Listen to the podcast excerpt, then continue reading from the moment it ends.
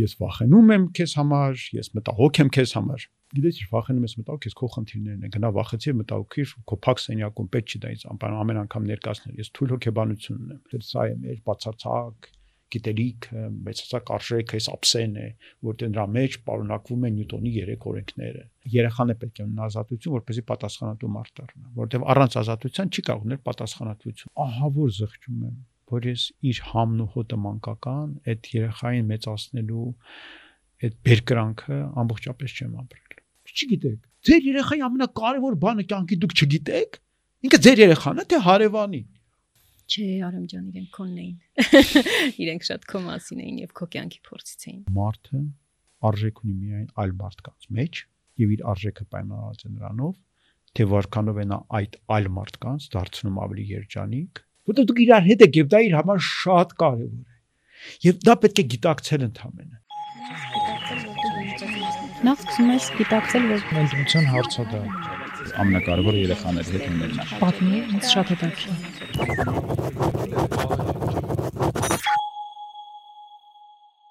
Արամ ջան, բարև։ Բարև։ Շատ կարոտած եմ քեզ, ուրախ եմ, որ այս ոդքասթը նորություն եմ տալիս քո նման հարազատ մարդկանց տեսնել, հյուր կանչել ավելին,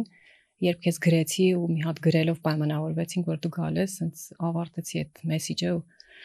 մտածեցի ինչ երջանկություն ա ուղակի ունենալ մարդկանց կյանքում ու կարող ես ինձ քո նման մարդկանց կյանքում կարող ես մի հատ գրելով կանչել հանդիպման ու ունենալ 1.5 ժամ։ Մենք ինձ թվում այլ պայմաններում sense նարեցին չէինք ունենա։ Երբեք չի խոսացա այսպես 1.5 ժամ մի թեմայի շուրջ։ Ու ինչքան ենք աշխատել միասին, ինչքան ենք կողք կողք եղել։ Ես միշտ իմ հյուրերին ներկայացնում եմ իմ ձևով, մեր ընկերները կամ լսողները, դիտողները թող մեզ ներեն, որ ասում նախագծում եմ այն առավելությունից, որ իմ ոդքասթն է ոնց ուզում իմ հյուրերին ներկայացնում եմ, բայց երկրորդ անգամ իմ մասնավոր փորձառություն իմ հյուրերի հետ ինձ թվում է ահագին բան ասում այդ մարդկանց մասին ու այստեղ ուզում եմ հիշել, թե ոնց նախքան քեզ տեսնելը անգամ հիացած եմ եղել քեզանով Ուղղակի գիտես ոնց առանց պաթոսի, առանց ամբողջ խոսքերի քո օրինակը ինձ փոխել է։ Ու ոչ միայն քո, քո, քո եղբոր Դավիթի ու ձեր նման գիտես էլի մի խումբ մարդկանց, այդ ունիկալ բան էր, այսինքն անգամ չտեսած լինելով մարդկանց այդքան իրանց սիրես, այդքան սկսես իրանցից սովորել ու ամեն առիթ որ գալիս էիք տարվա մեջ երկու անգամ սրբոց թարգմանչած տոներին, այդ շփումները ուղղակի մեր թիմի համար համենայն դեպս շատ-շատ բան փոխեց Բայց մեզ էլ է դա փոխել։ Բոլորս է այդ ամենը փոխել։ Ինչ լավ արամ։ Երկու ստեկ process ա գնացել։ Մեզ նենց միակողմանի էր այդ ամենը թվում։ Արամ դու նաև օրինակ ես ինձ համար նրանով, որ կարելի է կյանքում ունենալ ամեն ինչ, բայց այդ ամեն ինչը դնել մի կողմ ու հանուն մի հավատի կամ նպատակի ամեն ինչ թողնել ու ու փոխել կյանք ունեիր արտակարգ աշխատանքրթություն ստացել էիր սովետի լավագույն բուհում հիմնադրել էիք Յան Դավիթի հետ աբի կառույցը դու այնտեղ ղեկավար պաշտոներ զբաղվում ամբողջ աշխարհը ապրել ես մանեսեկի աշխատել ես ամեն ինչ ունեիր, որ կարծես այդպես ինձ կարող էիր հերվից հերվել շատ լավ օգնել, բայց մի օր որոշեցիր վերկանաս ու գաս։ Ինչու։ Եթե էլի առանց պաթոսի։ Չէ, պաթոս չկար, շատ սովորական պատմություն էր։ Մենք որ դպրոցը հիմնեցինք, մենք ասած այբը։ Խնդիր ունեին գտնելու դպրոցի համար տնորեն եւ քանի որ դպրոցը այսպեսի մեծ հավակնություններ ուներ որպես կրթական կառույցի համար մեծ ապագա էր տեսնում մենք կարծում ենք որ պետք է լինի մի մարդ որը կարողանա այդ մեծ տեսլականի մեծ ապագայի համապատասխան մտածողություն ունենա կյանքի փորձ ունենա եւ կրթության վարպետ լինի մարդ որին կարելի է վստահել նման դպրոց Եվ փնտրում էինք նման մարդու։ Հայկական աշխարհում բնականաբար, որտեվ դպրոցը հայալեզու է, հայկական է, Հայաստանի դպրոց է եւ այդ մարդը պետք է առնվազն հայոց լեզվի, մշակույթի եւ մտածողության հետ սերտ կապ ունենար։ Եվ չէին գտնում այդ ընթացքում դպրոցի տնօրենի աշխատանքը հիմնադրամի ղեկավարության հետ այդ հիմնադրամի զուգահեռ ստազները Դավիթը Սահակյան, որի դեպ այսօր արդեն դպրոցի տնօրեն է։ Ամ եւ Տեր Մեսրոպը մեր ընկերը եւ այբ այս շարժման երևի ամենա այսպես սյունը ամենակարևոր առանց որից հնարավոր չէ լինի նա էլ օգնում էր Դավիթին կրթական բովանդակության ու ուսուցիչների հետ աշխատանքի առումով երկուսով դպրոց առաջ են տանում Դավիթը շատ կենտրոնացած էր կազմակերպչական հարցերի վրա որովհետև սկզբնական փուլում դրանք շատ մեծ ծավալ ունեին եւ դժվար էին որովհետև ամեն ինչը նոր էր ոչ մի բանի նման չէր այլ ուրիշ էր դա շատ էր տարբերում այլ դպրոցներից եւ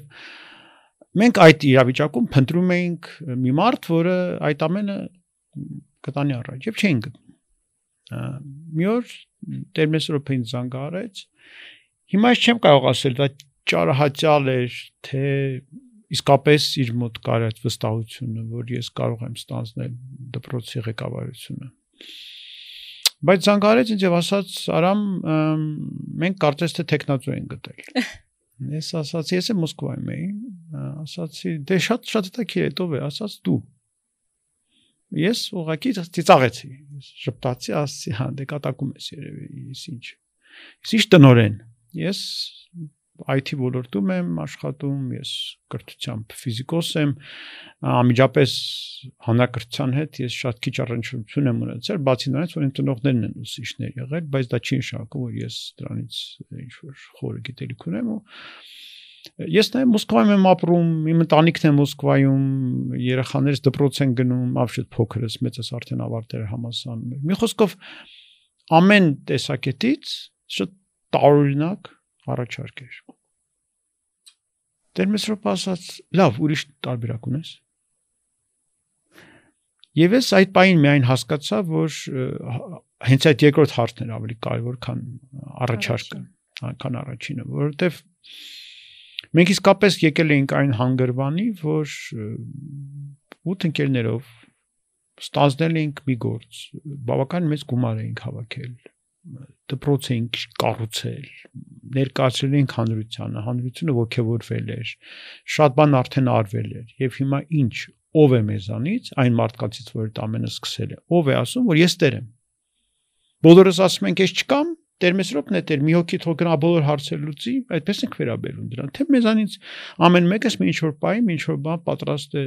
դրա համար զոհաբերել Հիմա արդեն յետին հազքոր նայում եմ, դա զոհաբերություն չէր։ Դա ձերկբերում էր իհարկե ինձ համար։ շատ հերո էր զոհաբերությունից բայց այն պահին թվում էր զոհաբերություն։ Դա այն պահին միշտ երբ որ դու մի շոբանի զրկվում ես, իսկ նորը քեզ համար դեռ անհասկանալի է, դա համար դա քո համար ինչ որ չափով կորուստ է։ Այո, ես ունեի շատ լավ, շատ լավ վարչատրվող, շատ բարձր կարգավիճակ ունեցող, աշխատանք Ռուսաստանում եւ դա միայն Ռուսաստանում չէր, դա միջազգային ընկերություն էր, ես ֆիզիկապես բնակվում եմ Ռուսաստանում, բայց իմ ենթականները աշխատում էին աշխարհի տարբեր երկրներում, ԱՄՆ-ում, Եվրոպայում եւ այլն, ես տարվա կես անցկացնում էի տարբեր տեսակի ճամփորդությունների մեջ, մեր ընկերությունը ուներ եւ ունի մինչ այսօր գրասենյակներ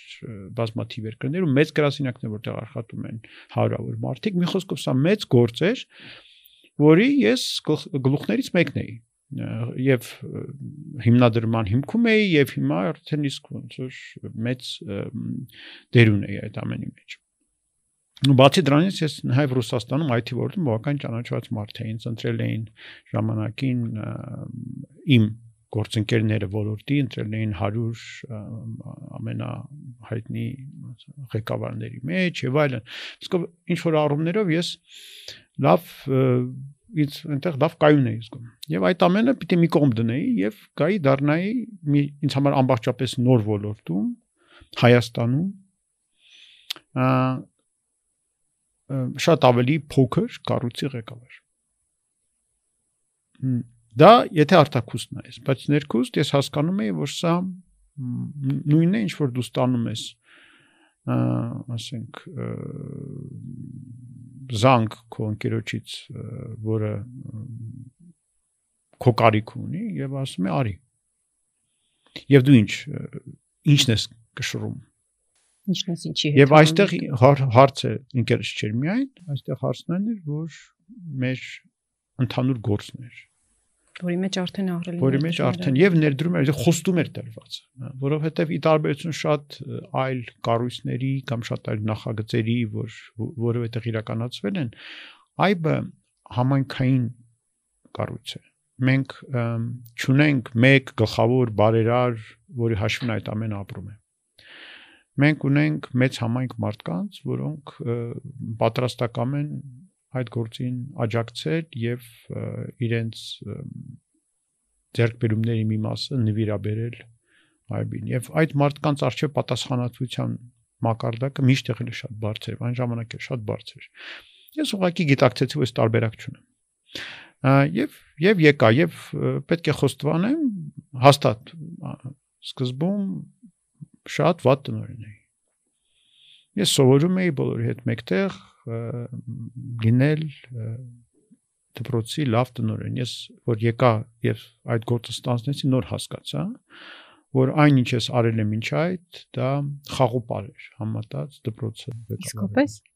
այսինքն IT մեծ թիմ ղեկավարելը խաղոպար է կրթական հաստատության ու այդ ճարտարապետությունը ղեկավարելու։ Հա, կրթական հաստատությունը դա մի հետաքրիր բան է մենք ընկերներով շատ հաճախ ասում ենք դա նույնն է եթե դու համատեղես գործարանն ու կրկեսը եւ փորձես դա կառավարել միաժամանակ ունի շատ խիստ շատ հետևողական հստակ ժամկետներով հստակ պահանջներով գործընթացներ որոնք պետք է ընթանան Մյուս կողմից դու ունես անընդհատ կրկես։ Դու ունես անկանխատեսելի վիճակներ, ռիսկեր, դու ունես երեխաներ, որոնք պարտադիր չէ որ անեն այն ինչ որ դու ակնկալում ես իրենք պետք է անեն, դու ունես անգամ ուսուցիչներ, որոնք պարտադիր չէ որ կանեն այն ինչ դու ակնկալում ես։ Եվ դա ոչ թե բացառություն է, դա նորմ է կրթության մեջ։ Այդպես է։ Կրթությունը այդպիսի գործունեություն է։ Այն շատ եզակի է։ Կան մի քանի գործունեության տեսակներ, որ շատ են տարբերում մնացածից՝ բժշկությունը, կրթությունը, որոնք ամբողջապես այլ փիլիսոփայություն են ընդհանրում մտածողության եւ կառավարման եւ ես վերջին իմ նոր լինելու վերջին երկու տարիները ղեկավարության զուգընթաց նաեւ սովորեցի Անգլիայի համասարական քոլեջում Լոնդոնի, որպեսզի ձեռք բերեմ անհրաժեշտ հմտությունները, որոնք ձեռք բերելու արդյունքում ես հանձնեցի դպրոցի ղեկավարում հաջորդ տնօրենին, բայց երևի թե միևնույն այդ կրթությունը կարևոր էր, որովհետև այդ ընթացքում մենք շատ փոխվեցինք որպես դպրոց, որպես կառույց եւ հենց այդ ընթացքում եւ սովորելը եւ այդ փոփոխությունները իրականացնելը ինձ համար շատ եւ ոչ միայն ինձ համար, ամբողջ թիմի համար շատ կարևոր փորձառություն էր։ Ես հիշեցնում եմ, որ Deep Parenting podcast-ը հերարցակում ենք ամեն ամսվա 10-ին, 20-ին եւ 30-ին։ Իհարկե հատկապես այս սկզբնական փուլում մեզ համար անչափ կարևոր է այն, որ դուք բաժանորդագրվեք մեր ալիքներին YouTube-ում, Spotify-ում, Apple Podcast-ում, տարածեք այս նյութերը հատկապես այն ծնողների շրջանում, ովքեր ըստ սրակարիքը հիմա շատ ունեն։ Եկեք միասին բերենք որակյալ բովանդակություն ծնողավարության շուրջ մեր իրականություն, որտեղ հիմա ըստ իս սրակարիքը մենք շատ ունենք։ Նաև հիշեցնում ենք, որ եթե դες դուր է գալիս այն ինչ մենք անում ենք, շատ փոքր գումարով կարող եք մեզ միշտ աջակցել parenting.am կայքում վերևի կանաչ կոճակով։ Արամ ջան, տեսանք, որ որոշումդ գալու հեշտ չէր, բայց քանի որ այսօր ես այն սկզբում շատ տարվեցի, մոռացա քեզ ներկայացնել, մենք մեր հյուրերին այստեղ ներկայացնում ենք որպես հայր կամ մայր, դու լինելով Սոնայի եւ Ալիսայի հայրը, վստահաբար որոշմանդ մեջ բարդության մի մաս է կազմել նաև թեկուս արդեն դպրոցն ավարտած կամ բարձր դասարաններում, թեև միջին դպրոցում էր կարծեմ Ալիսան այդ ժամանակ իրենց թողնել գալու որոշումը։ Այսօր մենք ավելի շատ, քանի որ ծնողավարությունից ենք խոսելու, կուզեմ մի փոքր բացես։ Տես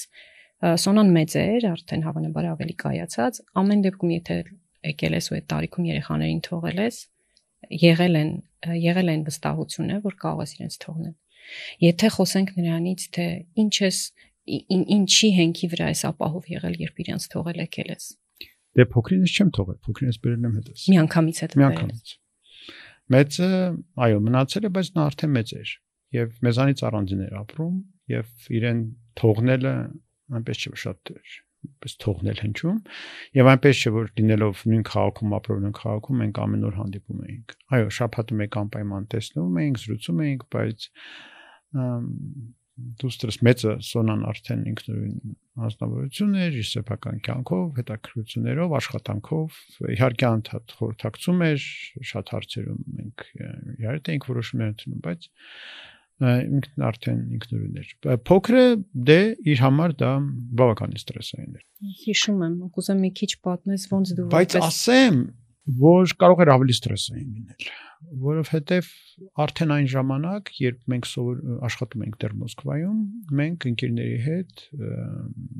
մտերի մեր ընկերների հետ ստեղծեցինք դպրոց, որը կոչվում էր IBIC։ Եվ այդ IBIC-ի ստեղծման գաղափարներից մեկը այն էր, որ ոչ միայն ուղակի ապահովել մեր երեխաների հայ մնալը այդ միջավայրում եւ այն այլ ընտրանք հանդիսացավ Կիրակնորա դպրոցին, որ այդտեղ արդեն կար, քանի որ այդ դպրոցի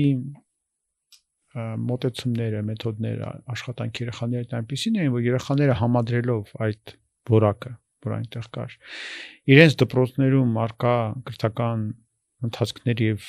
մակարդակի հետ եւ մանկավարժության եւ դասավանդման եւ դասագրքերի շոկ էին ապրում եւ դա մեծ վտանգ էր իր հետ բերում, որովհետեւ իրենք կարող են սկսել վերաբերվել հայրենին եւ ամեն հայկականին որպես երկրորդական անորակ եւ այլն դու չես կարող երեխաների կարծիքը հեշտությամբ փոխել եւ կառավարել, որովհետեւ իրենք դա բացահայտ տեսնում են այդ ամփույթ անորակ նյութերի, ուսիշների կոպիտ եւ ոչ շատ խոհեմ վերաբերմունքի եւ այլն այդ ամենը բացահայտ խնդիր էր։ Եվ դա էր պատճառը, ինչու մենք ստեղծեցինք IB-ը, որպեսզի լինի այնպիսի այլ դրանք, որ իրենք իրենց դպրոցում պատմեն, թե ինչ հավես գիրակնուրա դպրոցուն իրենք ունեն հայկական։ Եվ այդպես էլ եղավ։ Եվ իմ դուստրներ, եղբորս դուստրներ հաճախում են այդ դպրոցը արդեն տարի մի քանի տարի եւ դրա շնորհիվ գիտեին հայերեն գրել կարդալ, ասած խոսում էին հայերեն եւ այլն։ Ինչը շատ լավ էր, որովհետեւ ինչպես ասացի, նպատակը ոչ միայն այդ երեխաներին հայ պայաներ, բայց նաև իրենց պոտենցիալ Հայաստանում այբում սովորելու հնարավորություն տալն էր թե կօգտվեն իրենք այդ հնարավորությունից թե չեն օգտվի դա երկրորդ հարցն է բայց գոնե եթե այդ հնարավորությունը այդ դուրը բաց լինի արդեն իսկ տավ է եւ դա հենց պատճառներից մեկն է ինչու դա IB կոչվեց եւ փաստացի մեր դպրոցի հիմնադիրների զավակներից մի քանիսը այդպես է սովորեցին այբ օրինակ Ավետիքի Չալաբյան դուստրը նվարդը նաեւ մեր IB-ի շրջանավարտներ եւ իր ուսումը շարունակեց IB-ում, ինչը իրեն իսկապես շատ օգնեց կյանքում, կարծում եմ։ Եվ այնպես որ ես ասացի որ հա իրեն տեղափոխվել մի կրթական միջավայրից այլ մի կրթական լեզվից այլ կրթական լեզվին 7-րդ դասարանում դա արդեն առարկաների եզրութաբանությունը եւ այլն արդեն բավականին ծավալուն է, դա շատ դժվար է այլ լեզվով ուսումնասիրել, առավել եթե մեր ընտանիքը ռուսալեզու է, որտեվ կինս Բաքվից է եւ չնայած հասկանում է հայերեն, բայց ազատ չի տիրապետում եւ մենք իր հետ ընտանիքում խոսում ենք ռուսերեն, այնպես որ երեխաները մեծացել են ռուսերեն լեզվի միջավայրում եւ փոքրս այն ժամանակ հայրենը ամեն դեպքում սովորում էր որպես երկրորդ լեզու, ոչ թե որպես մայրենի եւ իրական երրորդ լեզու, որովհետեւ նաեւ անգլերեն լավ գիտեր։ Եվ արդյունքում ստացվեց այնպես, որ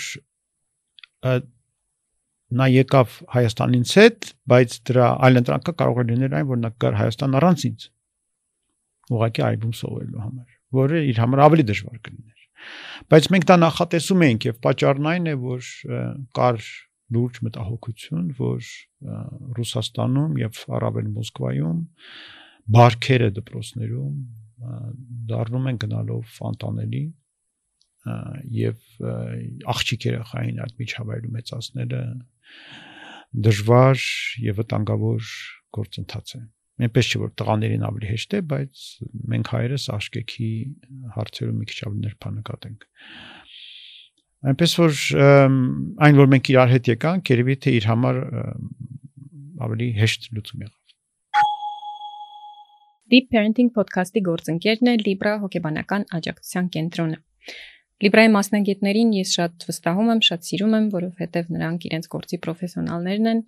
եւ բացի դրանից, որովհետև ինձ օգնում են ընտրել լավ հարցեր, հետաքրքիր հարցեր, խորը հարցեր մեր հյուրերին տալու համար, որպեսզի դες մաքսիմալ հետաքրքիր լինի լսել մեզ։ Հիշեցնեմ, որ Լիբրայի մասնագետները աշխատում են Երևանի Կոմիտաս 12 հասցեում գտնվող իրենց կենտրոնում, ինչպես նաև իրականացնում են արցանց խորհրդատվություններ։ Եթե դուք փնտրում եք հոգեբան, Հիշեք, որ նրանք պետք է ունենան պարտադիր բարձրագույն մասնագիտական կրթություն, մշտապես վերապատրաստվեն, ինքնակատարելակորցվեն որպես մասնագետներ եւ իհարկե աշխատեն սուպերվիզորի վերահսկողությամբ։ Մի ամաչեք ճշտել այս տվյալները անգամ հիմա սոցցանցերում ամեն օր ավելացող հոգեբաններից եւ միայն դրանից հետո վստահեք ձեր խնդիրները եւ ձեր հոգեկան առողջությունը այդ մասնագետներին։ Խոսում ենք ինձ թվում է, որ դու ապահով ես աղջիկներիդ համար։ Եվ քանի որ եւ եթե ճիշտ եմ, ապա որոնք են ըստ քեզ այն հիմնակարերը, որ դու հասցրել ես դնել նրանց դասիրակության մեջ, ծնողավարության մեջ, նրանց հանդեպ վերաբերմունքի մեջ եւ դրա արդյունքում է որ այսօր դու ապահով ես այն որ ես ապահով եմ դա ավելի շատ իմ հատկանիշն է ոչ թե իրենց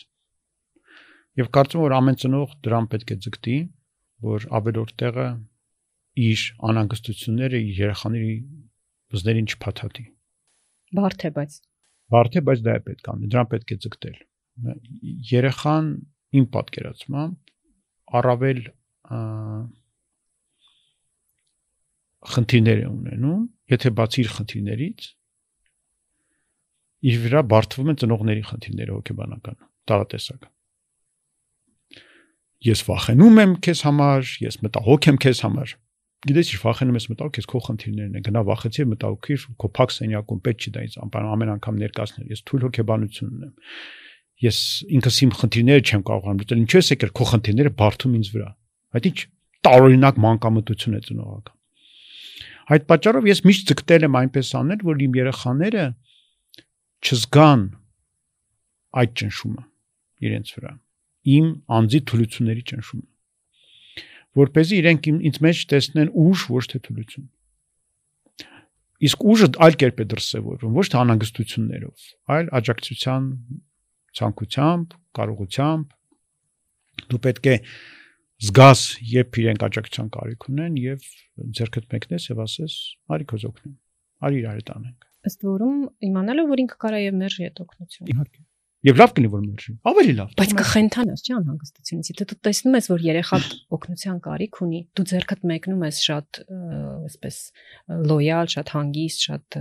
առանց ճնշման ու պարտադրանքի, բայց ինքը կարա մերժի, ինքը կարա շարունակի գնալ։ Դե հասկացի ինչու է մերժում պիտի փորձես հասկանալ ինչու է մերժում, որտեղ նա իսկապես կարիք ունի եւ չի ուզում քո օգնությունից օգտվել, շակմա դու խնդիր ունես իր հետ։ Ուրեմն պետք է այդ խնդիրը կենտրոնալ, խնդիրը փորձել լուծել։ Շակմա դու ինչ-որ բան սխալ ես արել։ Ինչ-որ բան սխալ ես կառուցել։ Ինչ-որ հարաբերություններ այնպես չեն գնացի, ինչպես ցանկալի է որ գնան։ Որովհետեւ կարող է լինել պահ, որ երեխան իսկապես ուզում է մի բան ինքը հասնել այդ դեպքում մտածի նրա մասին, թե ինչպես անես, որ իրեն պաշտպանես հնարավոր սխալից բայց արգելել երեխաներին սխալվել ամենավտանգավոր բանն է։ Օրինակ ես որ փոքր էի, ես բարձրանում էի տան տանիքի վրա, նստում էի եզին եւ թութ էի ուտում ծառից։ Գիտեին ծնողները։ Գիտեին, տեսնում եմ ոտքերս ոտից կախված։ Ես էլ եմ արել, բայց ծնողներս տեղյակ չեն եղել։ Ընդհանրապես։ Ես բարձրանում էի ծառը, բարձր ծառը, որ որից որպեսի կերաս ուտեմ։ Հիմա էլ 55 տարեկան հասակում բարձրամը թութի տալ ցապ տալու եւ չեմ վախենում չնայած այնտեղ կարելի է հավասարակշռություն կորցնել եւ թութի փոխարեն ընկնել չարշափի մեջ լավ հարց էսպես տամ դու նայում ես ասենք պատշգամբից ոնց է քո քանի տարեկան էր այդ ժամանակ այդ նույն տարիքի քո դստրերից մեկը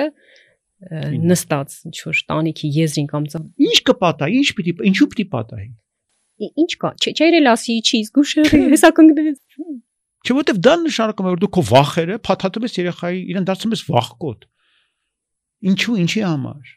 Դու իրեն ընդհանրապես պետք է սովորեցնես զգուշ լինել եւ անվտանգ դա անել։ Հնարավորինս անվտանգ։ Երբ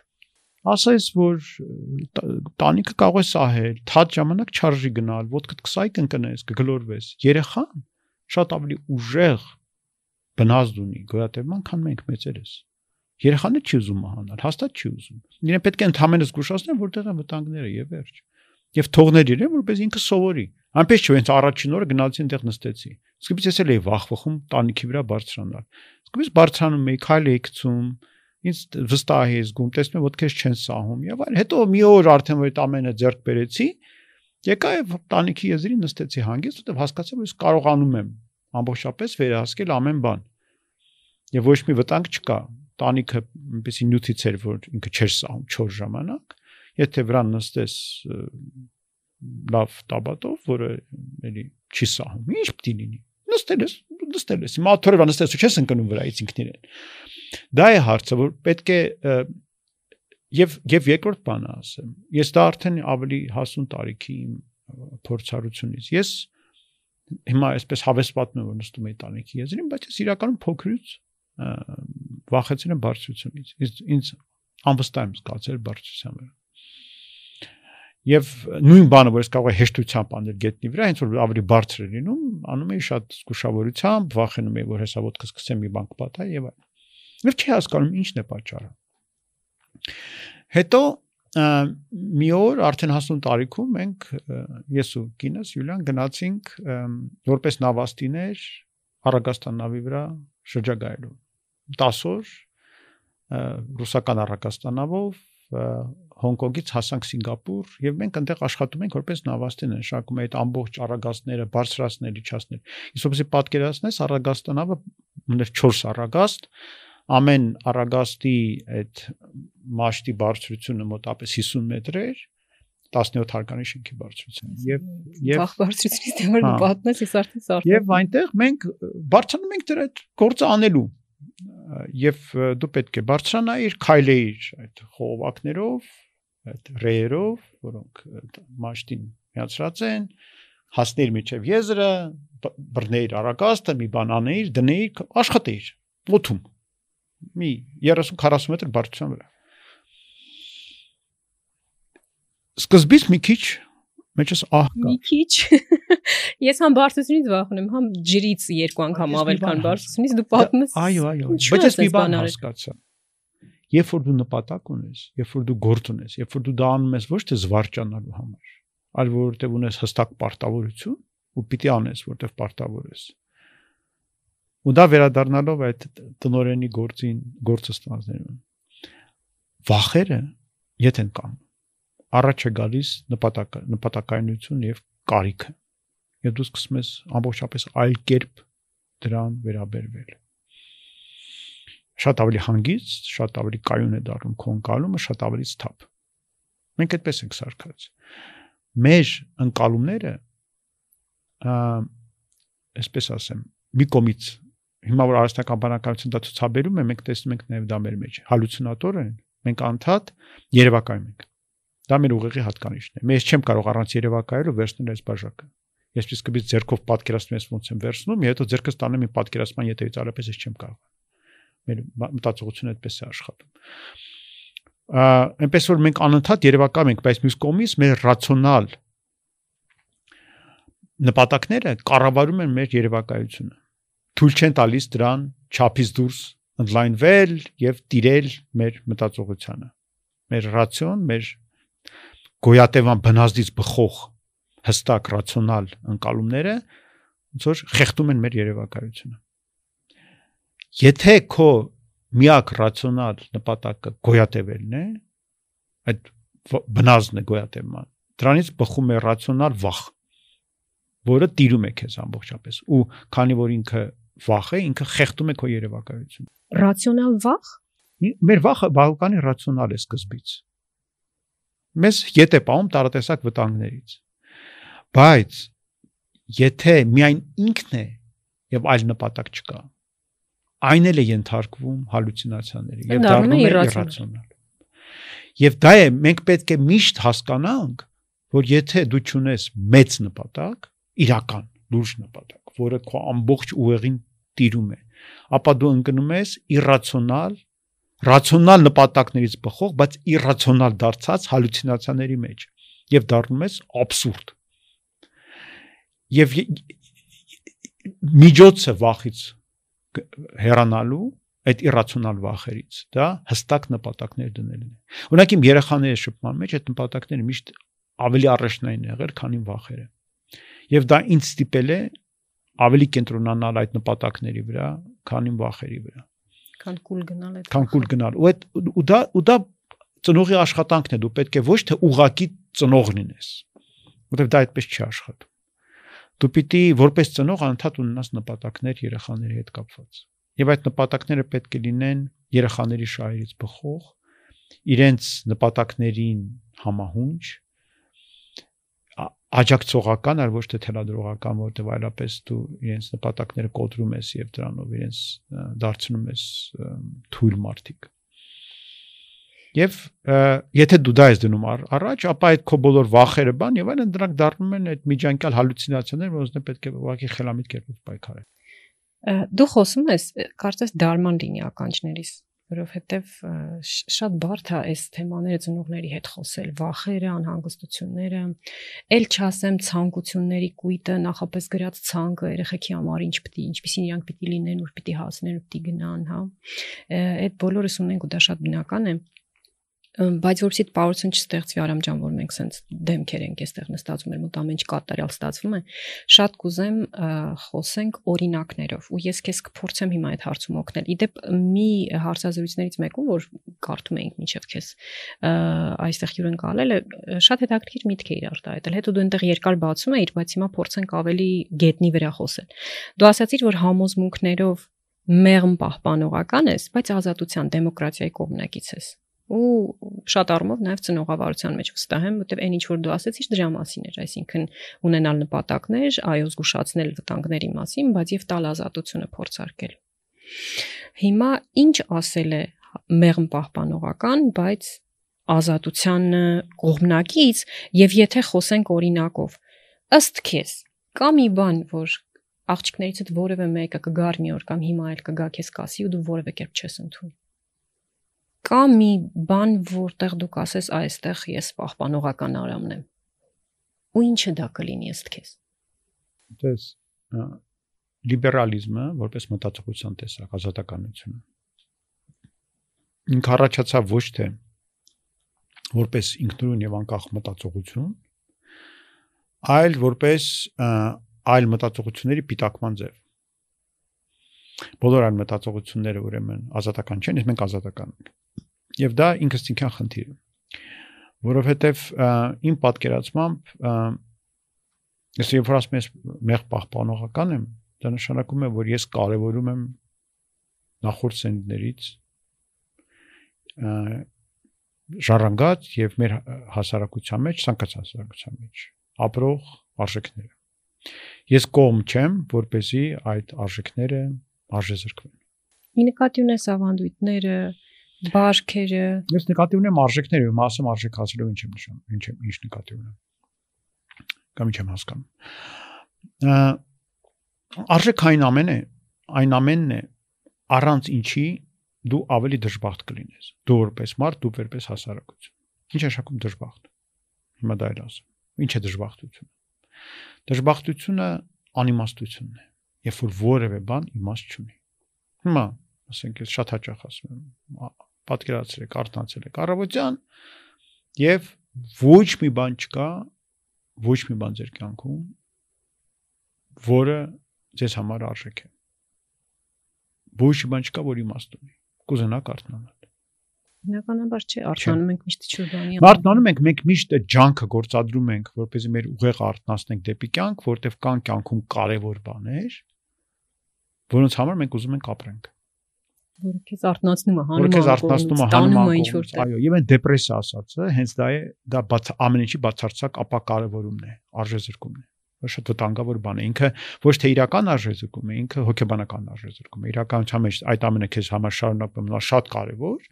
բայց քո հոգեբանական պատկերի մեջ դա այդ ամենը արժեզրկված է եւ դա ամենավտանգավորը ցավալի բանն է մարդկանց համար եւ այդ վիճակից դուրս բերել մարդկանց շատ դժվար է շատերին անհնարին է դուրս բերել Ասածս այն է, որ ամեն մարդ իր կյանքի ընթացքում ունենում է փորձառություններ, որտեղ նա որոնց հետ նա կապում է շատ ուժեղ հուզական վիճակներ, ունենում է զգացմունքներ մեծ։ Դա կարող է լինել կորուստներ, դա կարող է լինել ձեռքբերումներ։ Եվ հենց այդ հուզականությունն է, որ ամրագրում է այդ երևույթը մեզ համար որպես արժեք։ Եթե մենք ինչ որ բանի նկատմամբ մեր կյանքում ունեցել ենք մեծ հուզական արձագանք, ապա այդ բանը մեզ համար դառնում է կարևոր։ Մենք այդպես լինենք։ Հիմա կան բաներ, որ մենք բնազդաբար կարևորում ենք։ Տուն, միջավայր, մեր զավակները, մեր ծնողները, դրանք մեր բնազներն են, դրանք մեզ տրված են։ Կան բարոյական կանոններ, որ մենք բնազդաբար կարևորում ենք, դա բնազդ են։ Դրանք բոլոր մարդկանց մոտ կան։ Բայց կան բաներ, որ հասարակությունն է կառուցում։ Երաշտությունը բնազդի հետ կապ չունի։ Երաշտությունը դա արժեք է, որը առաջացել է մարդկանց մեջ, բայց առաջացնում է հուզական արձագանք եւ դառնում է մեզ համար կարևոր։ Նույնը արվեստը, այլ, այլ տեսակի արվեստը, նույնը հոգևոր փորձ, փորձը եւ այլն։ Եվ ես կողմ եմ, որ เป զի ամեն սերունդ հաջորդ սերնդին որպես ժառանգություն փոխանցի ոչ թե տներ եւ ոսկի, որ այնպես չի որ պահպանելը միշտ հեշտ է կամ միշտ դա երկարաժամկետ արժեք է, ասենք տները 50 տարի, 60 տարի, 100 տարի հետո պիտի արդեն մտածես ինչ ես անում։ Այլ առաջնայինորեն պետք է փոխանցեից այն ամենը, ինչը նա ապրել է, ինչով ապրել է, որտեվ դա արժեք է։ Դա մի բան է, որը քեզ որպես մարդ հարստացրել եւ դարձրել է երջանիկ, որտեղ մենք որքան ավելի շատ բան կա կյանքում, որ մեզ համար կարևոր է, այնքան մենք ավելի երջանիկ ենք։ Եվ իդեպ դա հստակ բանել ունի, արտացոլում է ունի շատ բան հիմնականում այն ինչ որ մեզ համար կարևոր է գտնվում է մեր եւ այլ մարդկանց միջև։ Ինչ առումով միջև։ Դա մեր ընդհանուրն է։ Քիչ բան կա, որ մեզ համար արժեք է միայն մերն է։ Այո, այսինքն համամարտկային արժեքների մասին ես դու խոսում։ Համամարտկային, համանկերային, համաընտանիքային, համաազգային Դա այն է, ինչ մեզ միավորում է եւ մերն է որպես ընդհանրություն։ Մեծ համար ամենամեծ արժեքները դրանք են։ Եվ որքան ավելի շատ են դրանք մեր կյանքում, այնքան մենք մեզ ավելի երջանիկ ենք զգում։ Եվ այդ առումով հայերը ու դա զարմանալի չի որ բոլոր բաներով չափումներով, որոնք իրականացվել են հայերը բավականին երջանիկ ազգ են։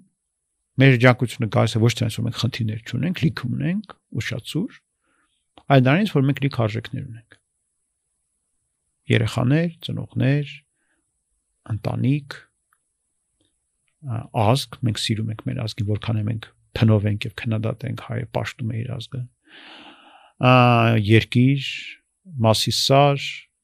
ու լիքը նման բան։ Լեզուն մենք շատ ենք սիրում, ով գիտի իր լեզուն, սիրում է իր լեզուն, ով չգիտի, երազում է սովորել։ Եվ այդ առումով մենք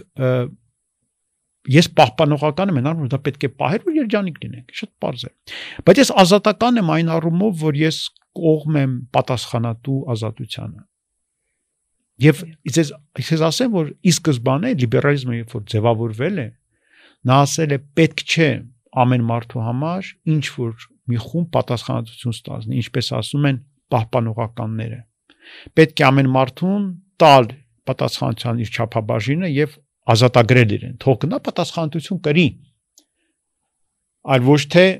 վերևից վերևից պատասխանատվությունը մեկը ստանձնի եւ հետո արդեն բոլորի մասին հոգա որտեւ այդ հոգացությունը շատ հաճախ պարտադրողական է եւ չի թույլ տալիս մարդկանց զարգանալ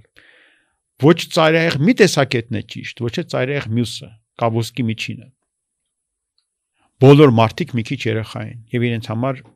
այլ մարդիկ պետք է պատասխանատվություն ստանձնեն բայց իրենք նաև պիտի ազատություն ունենան։ Բայց նաև իրենք պետք է երեխան է պետք է ունենա ազատություն, որպեսզի պատասխանատու մարդ դառնա, որովհետև առանց ազատության չի կարող ունել պատասխանատվություն։ Եթե ես ազատ չեմ գործել, ինձնից պատասխան պահանջել աննարին է։ Ես պետք է ազատ լինեմ, որպեսզի ասես ինքս որոշեմ, որպեսզի վաղը դու ասես դու պատասխան դիտաս դրա համար, ես ասեմ այո, որովհետև ես ազատ եի որոշում կայացնել։ Այ այդ եզրերը ազատության չափաբաժինը ոլորտները դա այդ ամբողջը դա հասարակության կառուցվածքով է պայմանավորված եւ այդ առումով ես կողմ եմ որպեսզի հասարակությունը եւ առավել դպրոցները ձևավորեն ազատ մտածող մարդկանց որտեվ դրա հետ մեկտեղ կարես է պատասխանատվության զգացողությունը բայց մյուս կողմից ես կողմ եմ որպեսզի արժեքները պահպանվեն որպեսզի լինեն կառույցներ որոնք այդ արժեքները պահպանեն որպեսզի որոշակի բաներ պարտադրվեն որովհետև շատ հեշտ է կորցնել, մոռանալ, չարժևորել մի բան ու հետո 10 տարի հետո գլուխ պատով տալ, որովհետև այդ 10 տարին դա կարծես թե պետք չէր եւ եթե դա պարտադրանք չլիներ մենք շատ արագ դա մոռանայինք, հետո հետ բերել անլայն է դառնում։ Ես օրինակ կողմ եմ նրան, որ Հայաստանում ընտանիքներում կա ընկալում, որ եթե ամուսնացել ես, պիտի ոնց որ լեզու գտնես քո ամուսնու կամ կնոջ հետ։ Իրանք չունես հաջորդ օր դուրս շախեցնես, դուրս գաս ասես, ես ալևս քեզ հետ չեմ ապրում։ Դրա ծայրահեղականությունն էլ էստեղ կա ու դա սարսափելի է։ Իհարկե։ Երբ որ բռնության ենթարկվող երիտասարդ աղջիկը գիտի, որ ինքը հետդարձի ճանապարհ չունի, ավելին ինքը գալիս է նորից հետ են ուղարկում 100 անգամ Ինչպես կապտուկները։ ինչպես ամեն Այ հարցում։ քո ասած ծայրահեղությունները շատ էր։ Ա, Արամ այդ կառույցները, որ պիտի պարտադրեն ընտանիքն է, չէ՞ նաև։ Դպրոցն ու ընտանիքը եկան Պարտադրանքի մտքիս։ մեխանիզմները շատ տարբեր են։ Դպրոցը պարտադրանքի մեխանիզմ է։ Դպրոցը հատապես բանտ է։ Դպրոցը երեխաների համար բանտ է, որտեղ ծնողները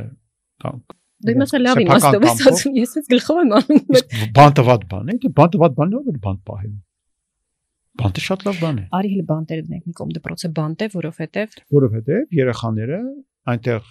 ուղարկվում են ծնողների կողմից առավոտյան եւ պարտավոր են այնտեղ մնալ եւ չեն կարող այնտեղից դուրս գալ։ այո, սա քո ասած պարտադրանքներից Այո, պատրաստի ձևերից է։ ազատության սահմանափակման մեխանիզմ է, որը անհրաժեշտ է, որտեղ երեխաները դեռ բավարար պատասխանատու չեն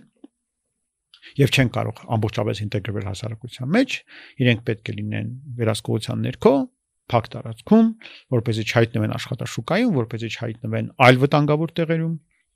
որպեսզի իրանք չօգտագործեն, որպեսզի իրենք այլ մարդկանց չօգտագործեն մանիպուլյացիաների միջոցով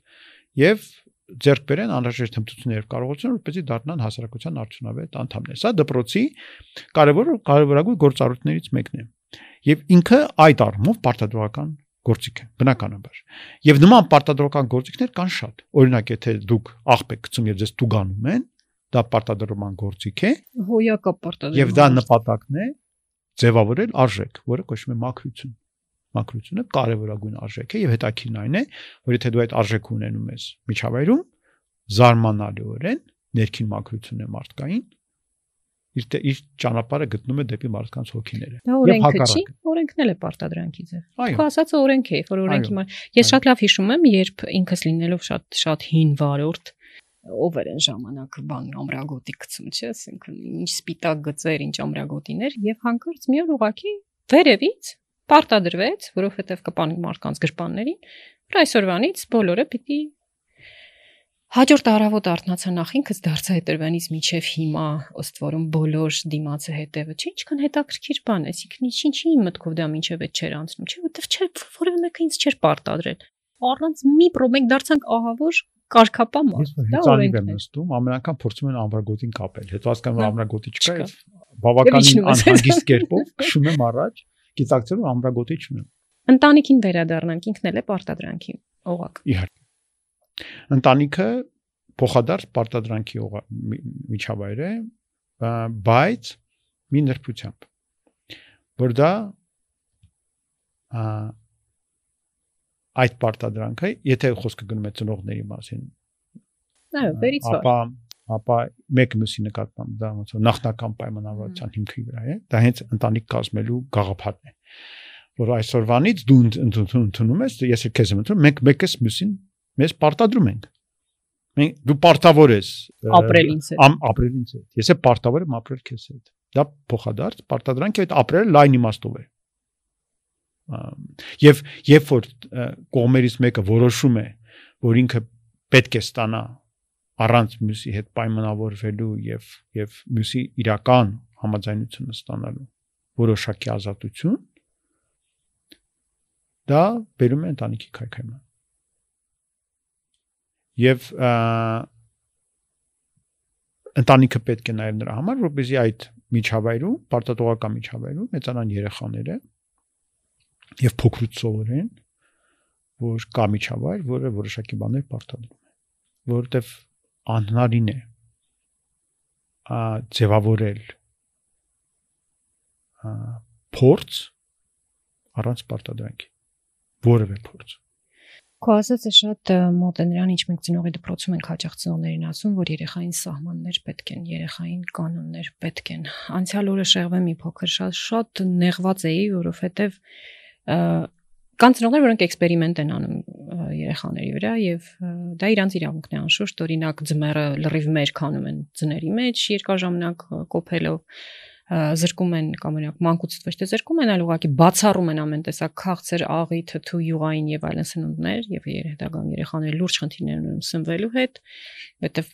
ուր գնում են այնտեղ ամենտեղ քաղցր է, աղի է, յուղոտ է եւ այլն, դա էլ մի քիչ բարդ թեմա է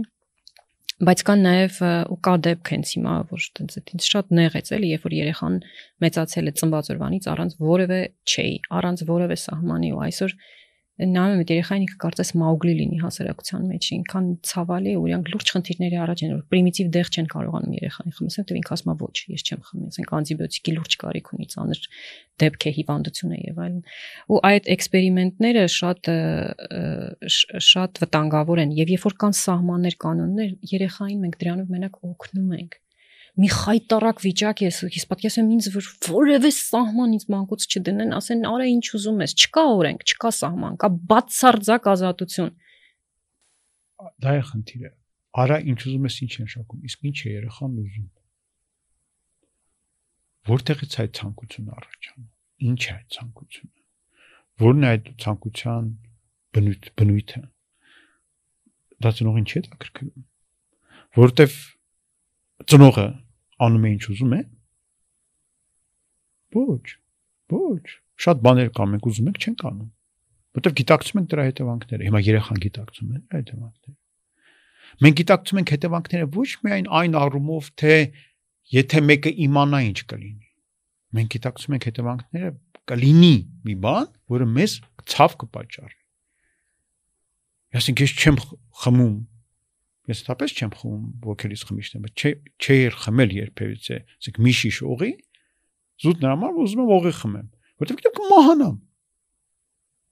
Երեխան չգիտի։ Երեխան չգիտի հետևանքների մասին։ Ինչպես է դու իրեն տալիս հնարավորություն ամեն բան անել եւ ամենակարևորը, լավ արեց։ Հիմա ով է որոշում ճիշտ է դա թե սխալ։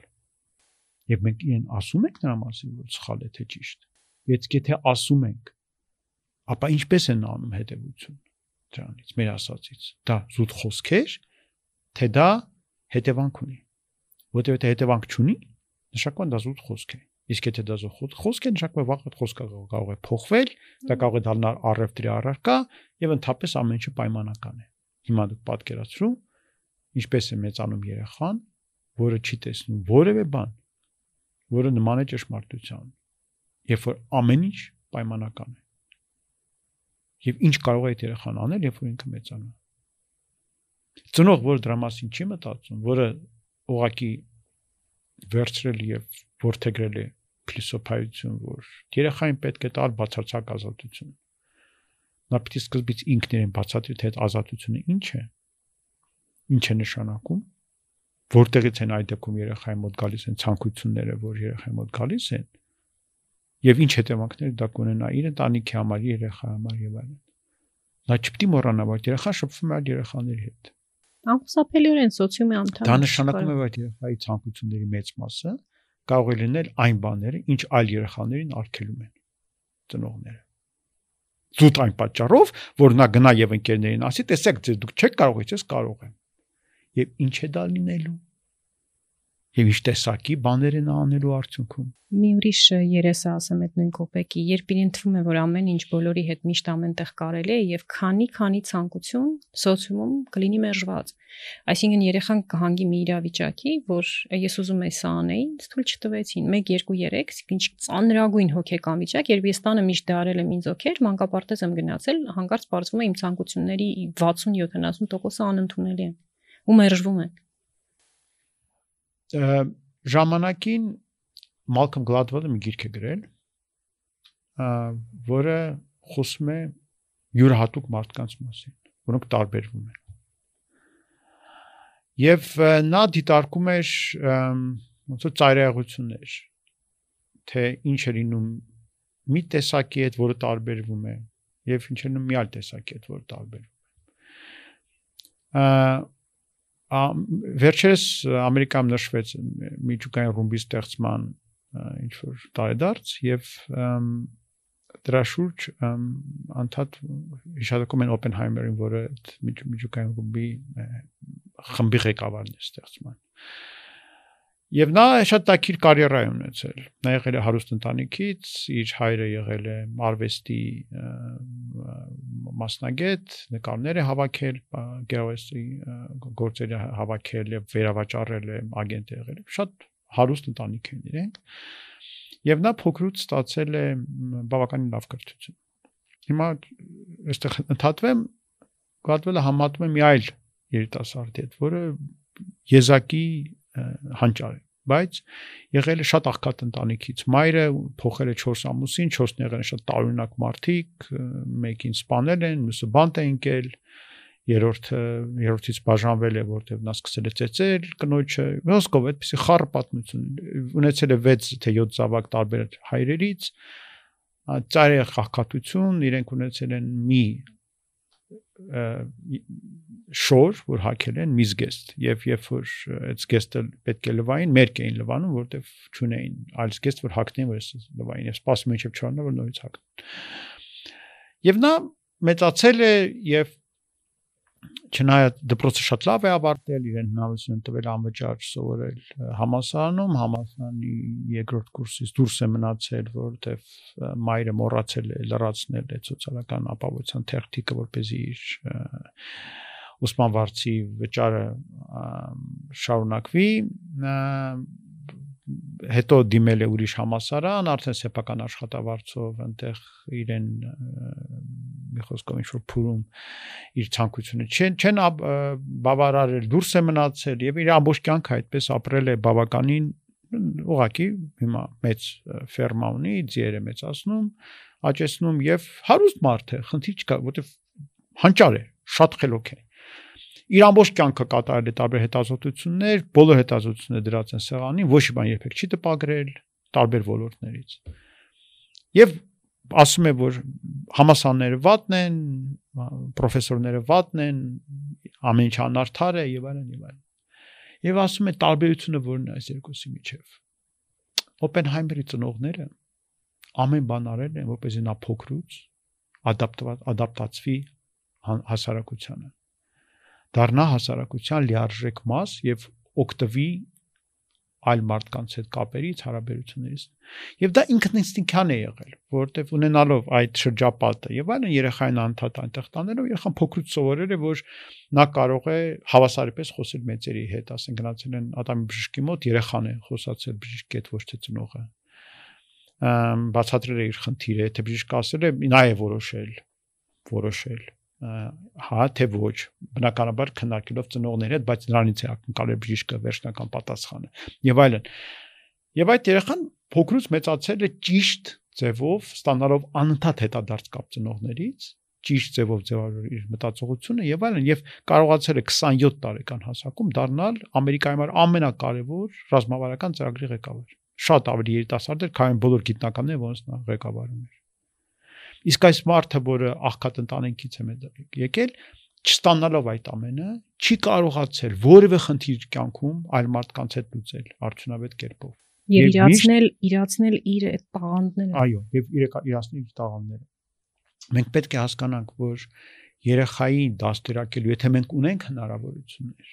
եթե մենք մարդիկ ենք, որոնք, եթե մենք ունենք կապեր, եթե մենք ունենք տարբեր սոցիալական տարբեր շատ կարևոր է սոցիալական խավերում շփվելու առիթներ միշտ պետք է երեխային դրա մեջ ներգրավել, նա պետք է լինի հավասար անդամ այդ բոլոր հարաբերությունների մեջ,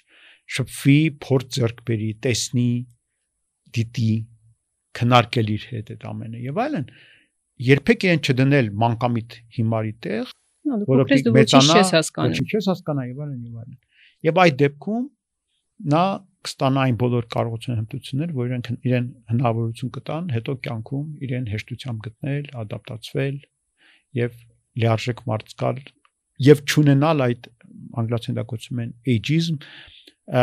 տարիքային ստորացած տարիք տարիքով պայմանավորված ստորադաս լինելը զգացողությունը, որ եթե ես 20 տարեկան ես ոչինչի չեմ կարող հասնել, ես պիտի դառնամ 60 տարեկան ու մի բանի հասնեմ։ Մեր դարում դա ընդհանրապես ժամանակավոր է պարտադիր։ Վերջ չկա այդպեսի բան, արդեն մենք փոքրերից ենք սովորում։ Այո, լավ է որ չկա, բայց ասենք եթե դու գնա գյուղերում տեսնեք դու դրվածքը մի քիչ ուրիշ է։ Ամ եւ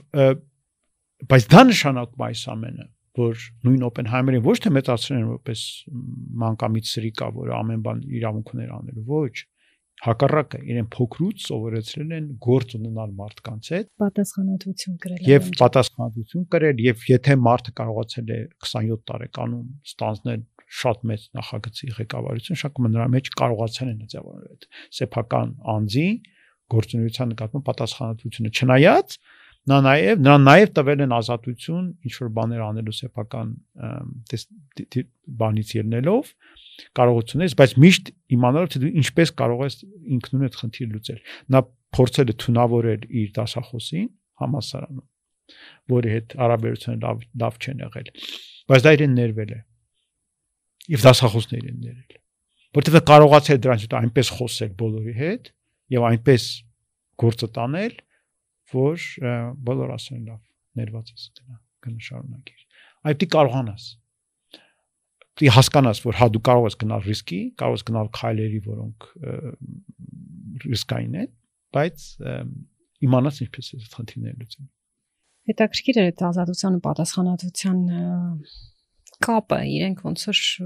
փայտի երկու ծայրերը լինեն դու չես կարող տալ ազատություն ինքնստինքյան չձևավորելով երեխայի մեջ պատասխանատվություն եւ հակառակը երբ պատասխանատու գործ ես տալիս նշանակում պիտի ազատ թողնես որ ինքը փորձի հələ դա անի կներես որ համառում եմ բայց այն այն հարցից երկրորդ կեսը արդյոք կա մի բան որ Ալիսան կամ Սոնան կգան այսօր քեզ կասեն կամ կանեն եւ դու կասես ոչ սա անընդունել է իհարկե